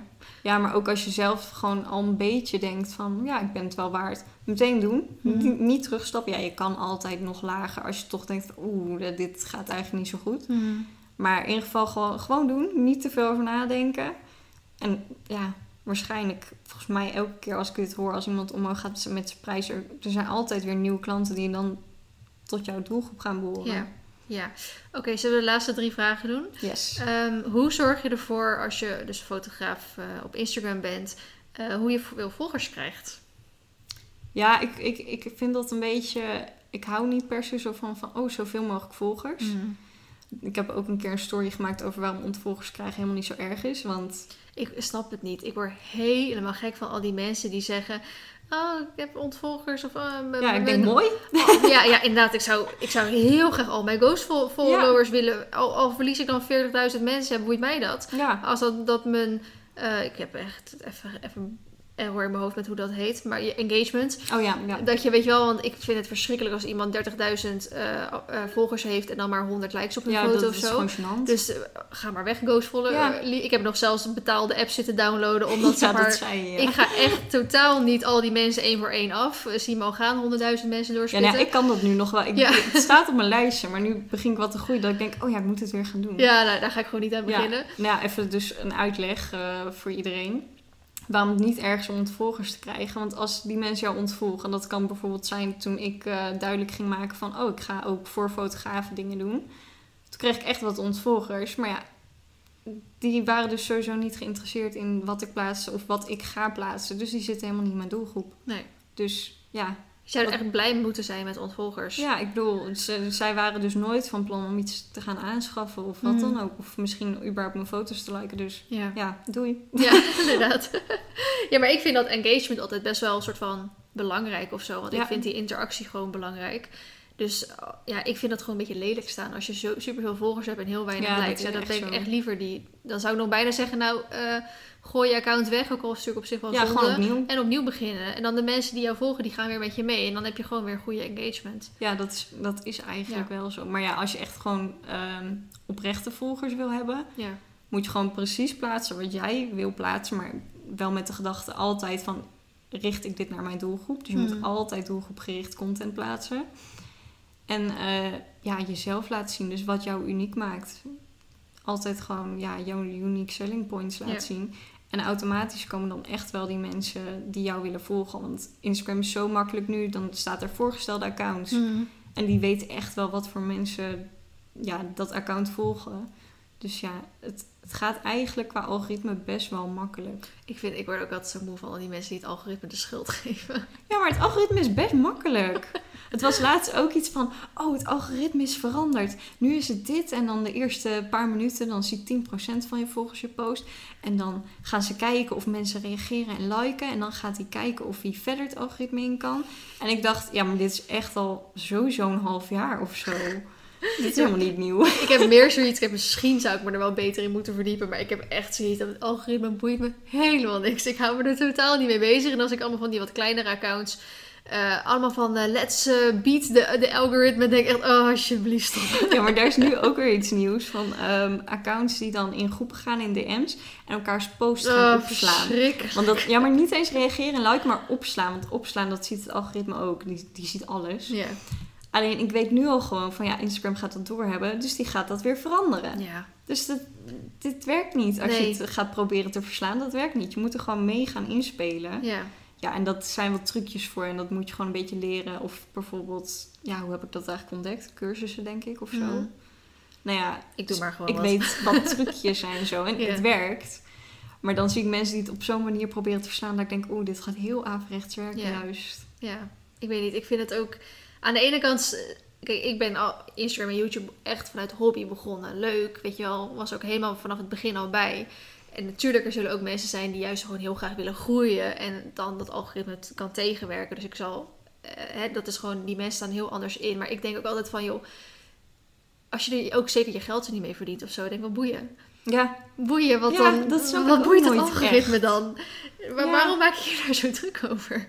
Tuurlijk, het is, aan de ene kant is het echt wel jammer. Maar het is ook heel vaak dan van, eh, dan is er een hele klaagpost over het algoritme en zo. En dan eindigt het altijd van, ja, maar ik vind het vooral leuk om mijn, mijn journey, eh, mijn verhaal te delen. Dan denk ik van, ja, maar wat maakt dat dan uit? Dat je ontvolgers en je algoritme en je likes en zo. Ik bedoel, ik zat laatst ook weer eens te denken over mijn likes. Ik kijk niet naar mijn likes bijna. Toen dacht ik, oh ja, vroeger had ik er heel veel. Want ik weet niet, blijkbaar met hashtags ging het vet goed. Hmm. Nu niet meer. Maar ik denk, ja, die hashtag eh, likes, dat boeit me eigenlijk niet heel Nee. veel. Ik heb nog nooit op, op hashtags gezocht om iets te liken. Nee.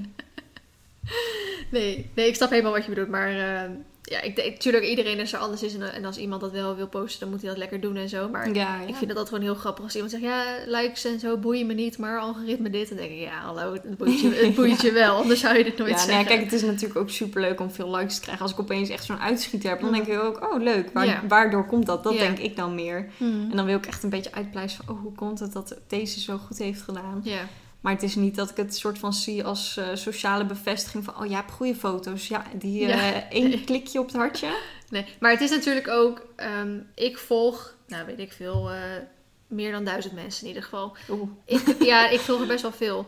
Ehm, ik, en nou, lang, al die mensen posten natuurlijk helemaal niet elke dag. Maar ik ga nooit duizend foto's op één dag voorbij zien komen. Dus Nee. ehm, het is logisch dat niet elke foto van iedereen je voorbij komt. Dat is hetzelfde natuurlijk met je stories. De eerste stories staan vooraan van de mensen die jij het meest bekijkt. Ja. Als ik een keer een, een dag gewoon heel erg veel en superveel stories kijk, dan kom ik in één keer bij stories van mensen die ik al heel lang niet meer gezien heb. Want die gewoon helemaal achteraan bij mij Ja. staan. Nou, als ik gewoon weken daarna niet zo heel veel, eh, gewoon eh, maar weet ik veel, 20 stories zijn, hè, van mensen per dag kijk of zo. Ja, dan zie ik die stories gewoon nooit. Ehm, dus het is inderdaad ook gewoon welke je al soort van het meest voorbij ziet komen. Die blijven maar voorbij komen. En soms dan kom ik in één keer een account tegen dat ik denk, wow, dit heb ik echt heel lang niet meer voorbij zien komen. Ja. Maar dan volg ik diegene wel. Dan denk ik echt, hoe dan? Ik heb dit echt heel lang niet meer voorbij zien komen. En eh, misschien als je die dan weer een paar keer liked, dan komt die weer wat vaker terug in je feed of zo. Maar het, het kan ook gewoon niet dat al die honderden mensen die je volgt elke dag voorbij gaan komen. Dus er moet Nee. wel een soort algoritme zijn. Ja, Dus ja, het heeft ook niet zoveel zin om hem te bieden dan nee, maar wil. ik vind beat ook zo de verkeerde instelling. Kijk, als je gewoon goed in het algoritme wil staan, dan moet je gewoon je best doen zoals Instagram het wil. Ja, Ik bedoel, je kan wel proberen heel sneaky van, oh, dan ga ik op deze manier dit. ja En dat, ik bedoel, kijk, ik zei ook wel, ik heb trucjes, maar ik heb trucjes juist van, oh, je moet dit doen. Ik weet dat je dit moet doen. Of Hmm. dat dit belangrijk is. Ja. Maar ik ga niet doen van, jongens, allemaal mijn foto opslaan. Nee. En dan ga ik jullie foto ook opslaan. Want ja, ja. Nou, wat ik wel grappig vind, is dat heel veel mensen natuurlijk zeggen... oh, hoe laat moet ik een post online zetten en dit en dat. En dan denk ik, nou, verschilt. daar neem ik sowieso al niet de tijd voor. Want ik zit echt niet elke Nee, maar klokslag drie uur Daar is om- ook geen vaste tijd voor. Nee, precies. Maar wat ik dan grappig vind, je kan natuurlijk in je statistieken zien met op welke tijd het het meest eh, druk is op Instagram of op je pagina. Weet ik dat die gebruikers online zijn. En volgens mij is dat bij mij tussen 6 en 8 's avonds of zo. Ik post altijd in de ochtend. altijd Ja. standaard Ja, ik vind in die statistieken ook een beetje lastig hoor. Ja. Want ik heb het een beetje getest van wanneer is voor mij de beste tijd. Mhm. Maar je moet eigenlijk ook gewoon heel logisch nadenken dat mijn doelgroep of zit op school of werkt. Mhm. Ja, als ik om twee uur ga plaatsen, niemand gaat het zien. Nee. Dus dan de eerste likes die komen heel langzaam binnen. En Mhm. dat gaat ervoor zorgen dat het heel slecht in het algoritme komt te staan. Als ik het 's ochtends post, mensen gaan vlak voor hun werk Mhm. nog even kijken in die koffiepauze om 12 uur. Dus ik Mhm. heb dan al drie echt momenten dat ik weet van ja, mensen zitten op hun telefoon. Ja. Je moet gewoon heel, heel logisch nadenken. Het Ja. klinkt heel simpel, maar dat Ja, is het eigenlijk maar ik heb ook. het inderdaad ook wel eens. Ik vind het gewoon fijn om 's ochtends te posten. Want dan zit ik lekker in mijn bed en denk, oh, een foto, even leuk, dag beginnen. En dan kan ik over heel de dag kan ik een beetje reacties lezen en zo. En als ik dan een keer 's ochtends vergeten ben te posten, of en ik doe het in één keer 's middags of 's avonds, omdat ik dan toch wil dat er die dag iets online is komen, dan krijg ik ook echt wel minder likes daardoor. Ja. En inderdaad, ik kijk ook vrij weinig naar mijn likes. Het boeit me allemaal niet zoveel. ja, maar het is meer om te het kijken hoe het valt wel werkt. op, inderdaad, ja. Het is niet zozeer inderdaad van hoeveel heb ik er, maar meer van hoe doet hij het. Ja, of ik nou 8000 of 10.000 krijg, maakt me eigenlijk niet zoveel uit. Nee, het is meer gewoon een soort van pijler van... Oh, was dit slim om nu te posten of niet? Of... Precies, inderdaad. Ja. Oké, ehm, tweede vraag. Oh ja. Ehm, iemand is benieuwd naar jouw doel later. Mijn doelen. Ja, je toekomstdoel. Ja, nou ja, ik heb altijd, zeg ik gewoon, bij, bij mijn opleiding zijn ze heel erg van dat je doelen moet stellen en je toekomst. En ik heb altijd gewoon lekker door, zeg ik van, zolang ik maar gelukkig ben, Hmm. vind ik het helemaal mooi. Want ik had gewoon geen idee. Nee, ik weet nog steeds niet wat ik wil worden. Nee, ja, ik eigenlijk ook niet. Dus ik heb ook zoiets, ik zat er nog vanmiddag over na te denken, want ik wist dat deze vraag een beetje zou komen. Hmm. Toen dacht ik ook van, ja, ik zie mezelf niet eh, paarden fotograferen als ik, eh, wat is het, 40 ben. Dat, Hmm. dat zie ik gewoon echt niet voor me. Nee. Maar ja, misschien zeg ik na vijf jaar al tegen het paardenfotografie van Joe Tabé. Hmm. Misschien niet, misschien ga ik nog 30 jaar door en zeg ik nu allemaal onzin. Ja. Ik heb geen idee. Nee. Maar sowieso dat communicatiegedeelte en gewoon mensen adviseren, mensen helpen, dat wil ik sowieso eigenlijk denk ik voor altijd gaan doen. Ja. En nu zit dat heel leuk in mijn paardenfotografiebranche. Maar ja, misschien over een paar jaar ga ik dat wel uitbreiden gewoon naar Ja. ondernemers over het algemeen. Ja, ik heb die tip van mijn eh, afstudeerbegeleider toen ook gekregen. Eh, toen, zeker toen ik met de podcast begonnen was, da- deel ik ook heel veel adviezen. Zeker als ik met Esme het samen doe, dan reageren we ook echt op ingestuurde problemen. En ehm, ik heb al door ja, mijn journey zoveel geleerd en zoveel gezien en zoveel mensen leren kennen. ehm, dat mijn afstudeerbegeleider op een gegeven moment ook zei van... Vlien, het zou me niks verbazen als jij straks ehm, ja, masterclasses aan ondernemers aan het geven bent voor duizenden Dat euro's. denk ik bij jou ook wel hoor. Dus eh, ik zou het niet durven. En dat heb ik dus. Ik zit in mezelf er nu nog niet goed Ja. genoeg voor. Maar dat is vaak omdat ik hier ingerold ben en het voor mij heel vanzelfsprekend is wat ik allemaal doe. Waarvan ik, waardoor ik denk dat andere mensen dit ook wel weten. Terwijl dat niet zo Ja. is, weet je wel. Daar moet ik nog een keer de grens zeg maar eh, van leggen. Maar eh, die zei dat dus. Van, jij zit dan wel in de paarden. Maar eh, de stappen die je maakt in je onderneming en de keuzes die je maakt, of je die nou paardenkant doet of een andere kant, het maakt niet uit. Het Ja. zijn dezelfde stappen die je maakt. Ja, maar dat heb ik ook wel. Ik wil dat zo gaan uitbreiden ooit, over jaren.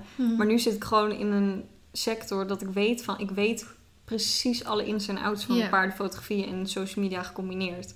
Dus ik heb wel zoiets van, ja, ik, ik weet gewoon echt hoe ik mensen hier kan helpen. Maar Mhm. daarbuiten, buiten die sector, zit ik nog een beetje, oh, dat... dat- Ja, nog een beetje eng. ja, Ja, nou, ik eh, ben wel een paar keer voor ook als gastdocent gevraagd. Dat vond ik super leuk om te doen voor kinderen. En dan vind ik het heel fijn als de docent er is om de, kinderen in bedwang te houden, want dat lukt mij Ja. niet. Dat de docent zegt van stil zijn, dat ik denk, hm, hou je bek dicht. ik ben hier ik wou net zeggen, lesgeven zo echt aan kinderen en basisscholen of middelbare scholen, dat, dat zou ik nooit willen doen. Nee, ik ben ook iemand die gewoon doorpraat. Of die even zo aankijkt van stil zijn. Ja, ik ben aan het woord. maar ik ben daar ook echt te nuchter voor. Ik zou echt zeggen van, ja, wat denk jij? Ja, inderdaad. Ik wil je even stil zijn. Ik bedoel, ik word hier betaald om hier te staan, dus ik zou even stil zijn. Oh, dat is echt zo'n docentenopmerking. Ik word hier betaald. Zo zou ik ook echt zijn. Maar goed, eh, wel heel leuk om te doen. Ja, maar ik vind dat dus voor kinderen of zo, tieners, weet je wel, die nog niet zo goed we- weten wat ze willen doen, vind ik dat heel eh, ja, makkelijk. Echt een instap iets inderdaad om te Ja. doen. Maar ik zie mezelf nog niet echt voor echte ondernemers die eventueel zelfs ouder zijn dan dat ik ben, dat doen. Terwijl ik wel echt wat ervaring ervoor heb om dat te doen. Maar Ja, het is net die stap. maar Dat snap ik heel goed hoor. want ik weet dus dat die Celine Charlotte volgens mij 2000 euro makkelijk vraagt voor inderdaad even een half uurtje een presentatie geven. En ik denk, Ja. oh, makkelijk geld verdienen. Ja, dat heb ik ook wel eens gehoord dat je denkt, oeh, dat is mooi. Ja, precies. Dus aan de ene kant denk ik, oh, kom maar door. Ja, Maar ja, maar dan, ik zou te perfectionistisch zijn. Inderdaad, denk ik, maar ben ik niet hè, dat geld wel waard? Kom ik daar Ja, niet voor niks? maar dat En is inderdaad je mindset. En Ja. dat is zo lastig om Ja. te veranderen. Dat heb ik dus met shows geven. Ik ben om meerdere redenen gestopt met shows geven. Maar op een gegeven moment dacht ik, ja, ik geef nu al meerdere jaren deze shows. En net wordt het ietsjes beter, maar het is niet... Hè, we doen al op nekroop, springen, rennen. Het is al best wel high level. Ja, Dus op een gegeven moment dacht ik, ja, wat is het volgende? Moet ik mijn paard gaan staan met nekroop en dan gaan springen over een hindernis oh of ja, zo? je, je denkt gewoon, het moet altijd iets Het, beter het moet weer. altijd beter. En op een gegeven moment dacht ik echt van ja, mensen betalen mij om hier shows te geven. Vind, maar vindt het publiek het dan ook echt wel leuk? En daar werd ik gewoon echt. En ik weet dat het zo is. Al ga Ja, ik ja. staan zitten poetsen daar, vinden mensen het nog leuk om het te zien. Maar eh, toch misschien die onzekerheid of zo van ben ik inderdaad dat wel waard? En eh, laat ik echt wel iets spectaculairs zien? Of geef ik ze wel echt iets mee dat ze echt weggaan? Dat ze denken, oh die show van Vrienden was echt wel heel gaaf. Niet dat ze denken, "Pff, die show was echt super saai of dit en dat, weet je wel. Ja, En dat heb ik hetzelfde een beetje met Eh, omdat ik dus zelf zeg maar gewoon niet meer gelukkig was met shows geven. En ik merkte aan Marty dat ik het echt niet meer leuk vond. Ben ik onder andere gestopt. Ja, logisch. En daarom heb ik nu ook inderdaad met, met ja, presenteren of zo. Dat ik echt wel zoiets heb van... eh, maar ja, ik wil wel dat ze echt weggaan met kennis. Ja, Aan de andere kant denk ik, ja, maar anders vragen ze me ook niet. Ja, klopt. Ik denk, ze- er is een reden waarom ze mij vragen. Dus dan zullen ze me goed genoeg vinden of wat dan ook. Ja, het is gewoon echt... Eigenlijk zou je het gewoon een keer moeten doen. Ja. Om gewoon te kijken van... Oh, wacht. Ik kan dit. Ja, nou, ik heb het toen voor de, want, hè, want ik zit dus bij Go Social eh, Talent zit ik. En je hebt dan de Go Social Creators. En ik heb toen een prestatie inderdaad bij Ankie van Gunsven toen voor die eh, creators gedaan. Dat vond ik echt super eng dus. Eh werd er niet eens voor betaald. Oh. en eh, eh, dat deed ik meer gewoon als soort van gunst of zo. Ja, omdat je natuurlijk ook je management is. Ja, nee, Dus, maar ja, wel, echt- wel leuk om te oefenen. Ja, heel leuk om te oefenen. En hele positieve reactie. Want aan de ene kant, ik moest dus een presentatie geven over social media. Terwijl er allemaal mensen van social media voor me zitten. Het zijn geen noobs die voor me zitten. Want Nee, ja. het zijn al mensen die al groot op Instagram of YouTube zijn. Of dat graag willen worden of wat dan ook. En dan moet ik voor hun ook nog eens een presentatie gaan geven. Ja, maar soms dan moet je echt niet onderschatten. Ik heb dus stage gelopen bij eh, Universiteit eh, Wageningen. Ja, Mhm. ik zeg, ja, het was superleuk, dus ik kan het wel zeggen. Mhm. En eh, toen werd een keer verteld, want ik ging iets met een beetje video's maken. Mhm. Het was van ja, en deze videotraining was er geweest over vloggen. En toen ging ik een beetje kijken wie die persoon was. En toen dacht ik, dit kan ik ook. Ja. Dit had ik zo kunnen vertellen. Ja. Gewoon in mijn stageperiode. Ik kostte 250 of 290 per maand of zo. dat ik dacht, oh, maar als deze volwassen super slimme mensen... Want ik, op het begin, het zijn allemaal universitair mensen. Ik dacht echt van, oh jeetje, wat ben ik hier voor een kneusje. maar het- ik heb zoveel andere kennis. Gewoon Ja. ja, op dus een ander niveau. Dus eigenlijk lager HBO. Mhm. Maar gewoon nieuwe kennis voor hun. Dat je denkt, oh, maar Ja. ja, Ja, ik denk dat je dat, dat is echt een soort switch in je, in je hoofd dat je dat moet accepteren of Ja. zo. En ik kan het dan nog wel zeggen, ja, ik heb me een soort van bewezen met het aantal volgers dat, je, dat er toch iemand soort van voor je staat of zo. Eh, dat, dat het waarschijnlijk wat je vertelt toch wel, denk ik, wordt geaccepteerd. Maar ik vind het ook wel heel erg lastig, want ik zeg heel vaak, ik doe maar wat. Kijk, tuurlijk, alles wat ik doe is over nagedacht. Maar Ja. omdat ik het zo vanzelfsprekend voor me is, heb ik het gevoel dat ik maar wat doe. Ja, maar dat wordt bij mijn opleiding ook heel vaak gezegd. Dat dan, ik ben bijna klaar en dan denk ik, ja, wat heb ik eigenlijk precies geleerd? Ja. Maar ze zeggen, alles wat voor jou zo vanzelfsprekend is, dat is voor anderen helemaal gewoon Ja. helemaal onbekend, helemaal Ja. nieuw. Ja, en dat is denk ik heel moeilijk om dat soort van te beseffen. Maar als je dat eenmaal beseft, kan je heel veel geld verdienen. Ja, ja, inderdaad. Eh, als laatste vraag had ik nog voorbij zien komen waarom jij je gericht hebt op portretfotografie. Omdat je eigenlijk eh, nou, niet echt eh, ja, actiefoto's aan de longeerlijn doe je wel natuurlijk, maar eh, niet echt rijfoto's of evenementfoto's. Of, eh, Ja, klopt. Nee, ja, evenementfoto's sowieso, omdat dat is gewoon nooit in zo'n natuurlijke omgeving. Mhm. Ik heb wel eens een keer powerhorse eh, duiven gefotografeerd, maar het was ik nog niet eens heel serieus bezig. Dat was met van die trekpaarden van karren en die gaan crossen. ja. Nou, dat vind ik gewoon super leuk. Maar ik vind dat niet echt portfolio materiaal. Want je ziet niet echt een... Ja, er zit niet echt sfeer in of zo. Er zit heel Mhm. veel actie en power Mhm. in. Maar niet echt die lieve, zachte sfeer. Ik wil juist zeg maar die natuurlijke rust zeg maar in mijn foto's. Ja, die band tussen mensen en paard. Die band tussen mens en paard.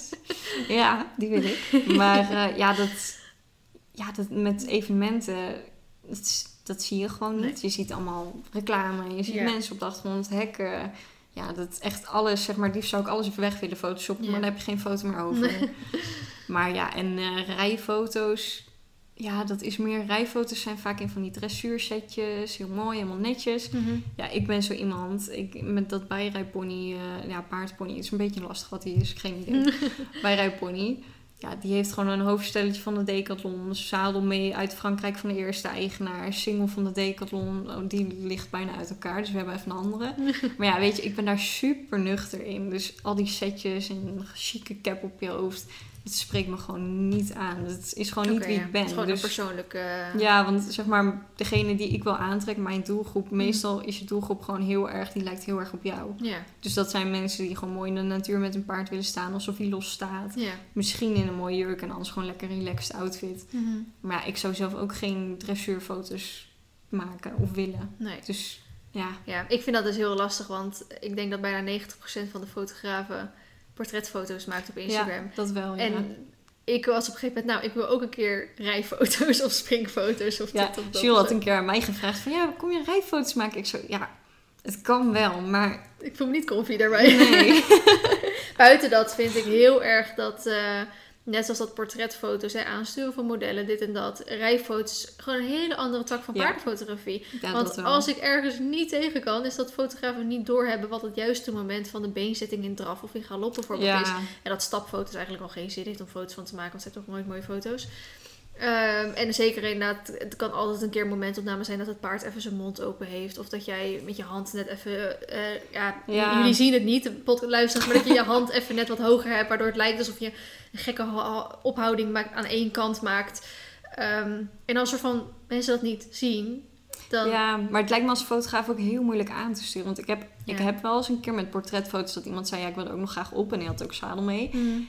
En eh, dat ik dacht, ja, moet ik hem nou gaan corrigeren? Van, oh, je moet even iets rechter zitten. Want Ja. ik bedoel, ik ben, ik ben gewoon recreatief eh, ruiter. En Mhm. doe af en toe springen en alles. Hmm. Maar niet heel serieus, dus ik weet niet precies alles qua dressuur. Maar dan Mhm. denk ik, ja, ga ik ze aansturen? Ja. Want dat, dat vind ik heel raar. Ja, snap ik wel dat je dat heel vreemd vindt inderdaad dan. Ja, maar en, en ik vind het ook lastig bijvoorbeeld als je een uitgestrekte draf of zo mooi op de foto wil. Je moet echt, er is één moment maar Dat die mooi is. dat die ja. mooi is. En dat is best wel lastig, want je hebt ook eh, een uit, uitgestrekte, dat doe je meestal op de diagonaal. Eh, je kan hem natuurlijk ook op de hoefslag doen. Ehm, dus, maar jij als fotograaf zit ook maar op één punt. Dus er zijn vaak maar ongeveer drie passen die je de tijd hebt om dat juiste moment. Ja. Want anders is hij net iets te veel van voren of weer, weer net wat te veel van achter. Omdat je paard dan tjoep, voorbij je is. En je hebt ook geen zin om tien keer in de uitgestrekte draf voorbij te komen. Nee, dus vaak nee. dan, eh, dan hebben de modellen ook geen zin in. Want dan denk ik van, joh, eh, heb je hem nou nog steeds niet? Ja, nou ja, ik zou het denk ik wel kunnen. Want op een manege waar ik rijd dan met wedstrijden of eh, we hebben oefenspringparcoursjes. Mhm.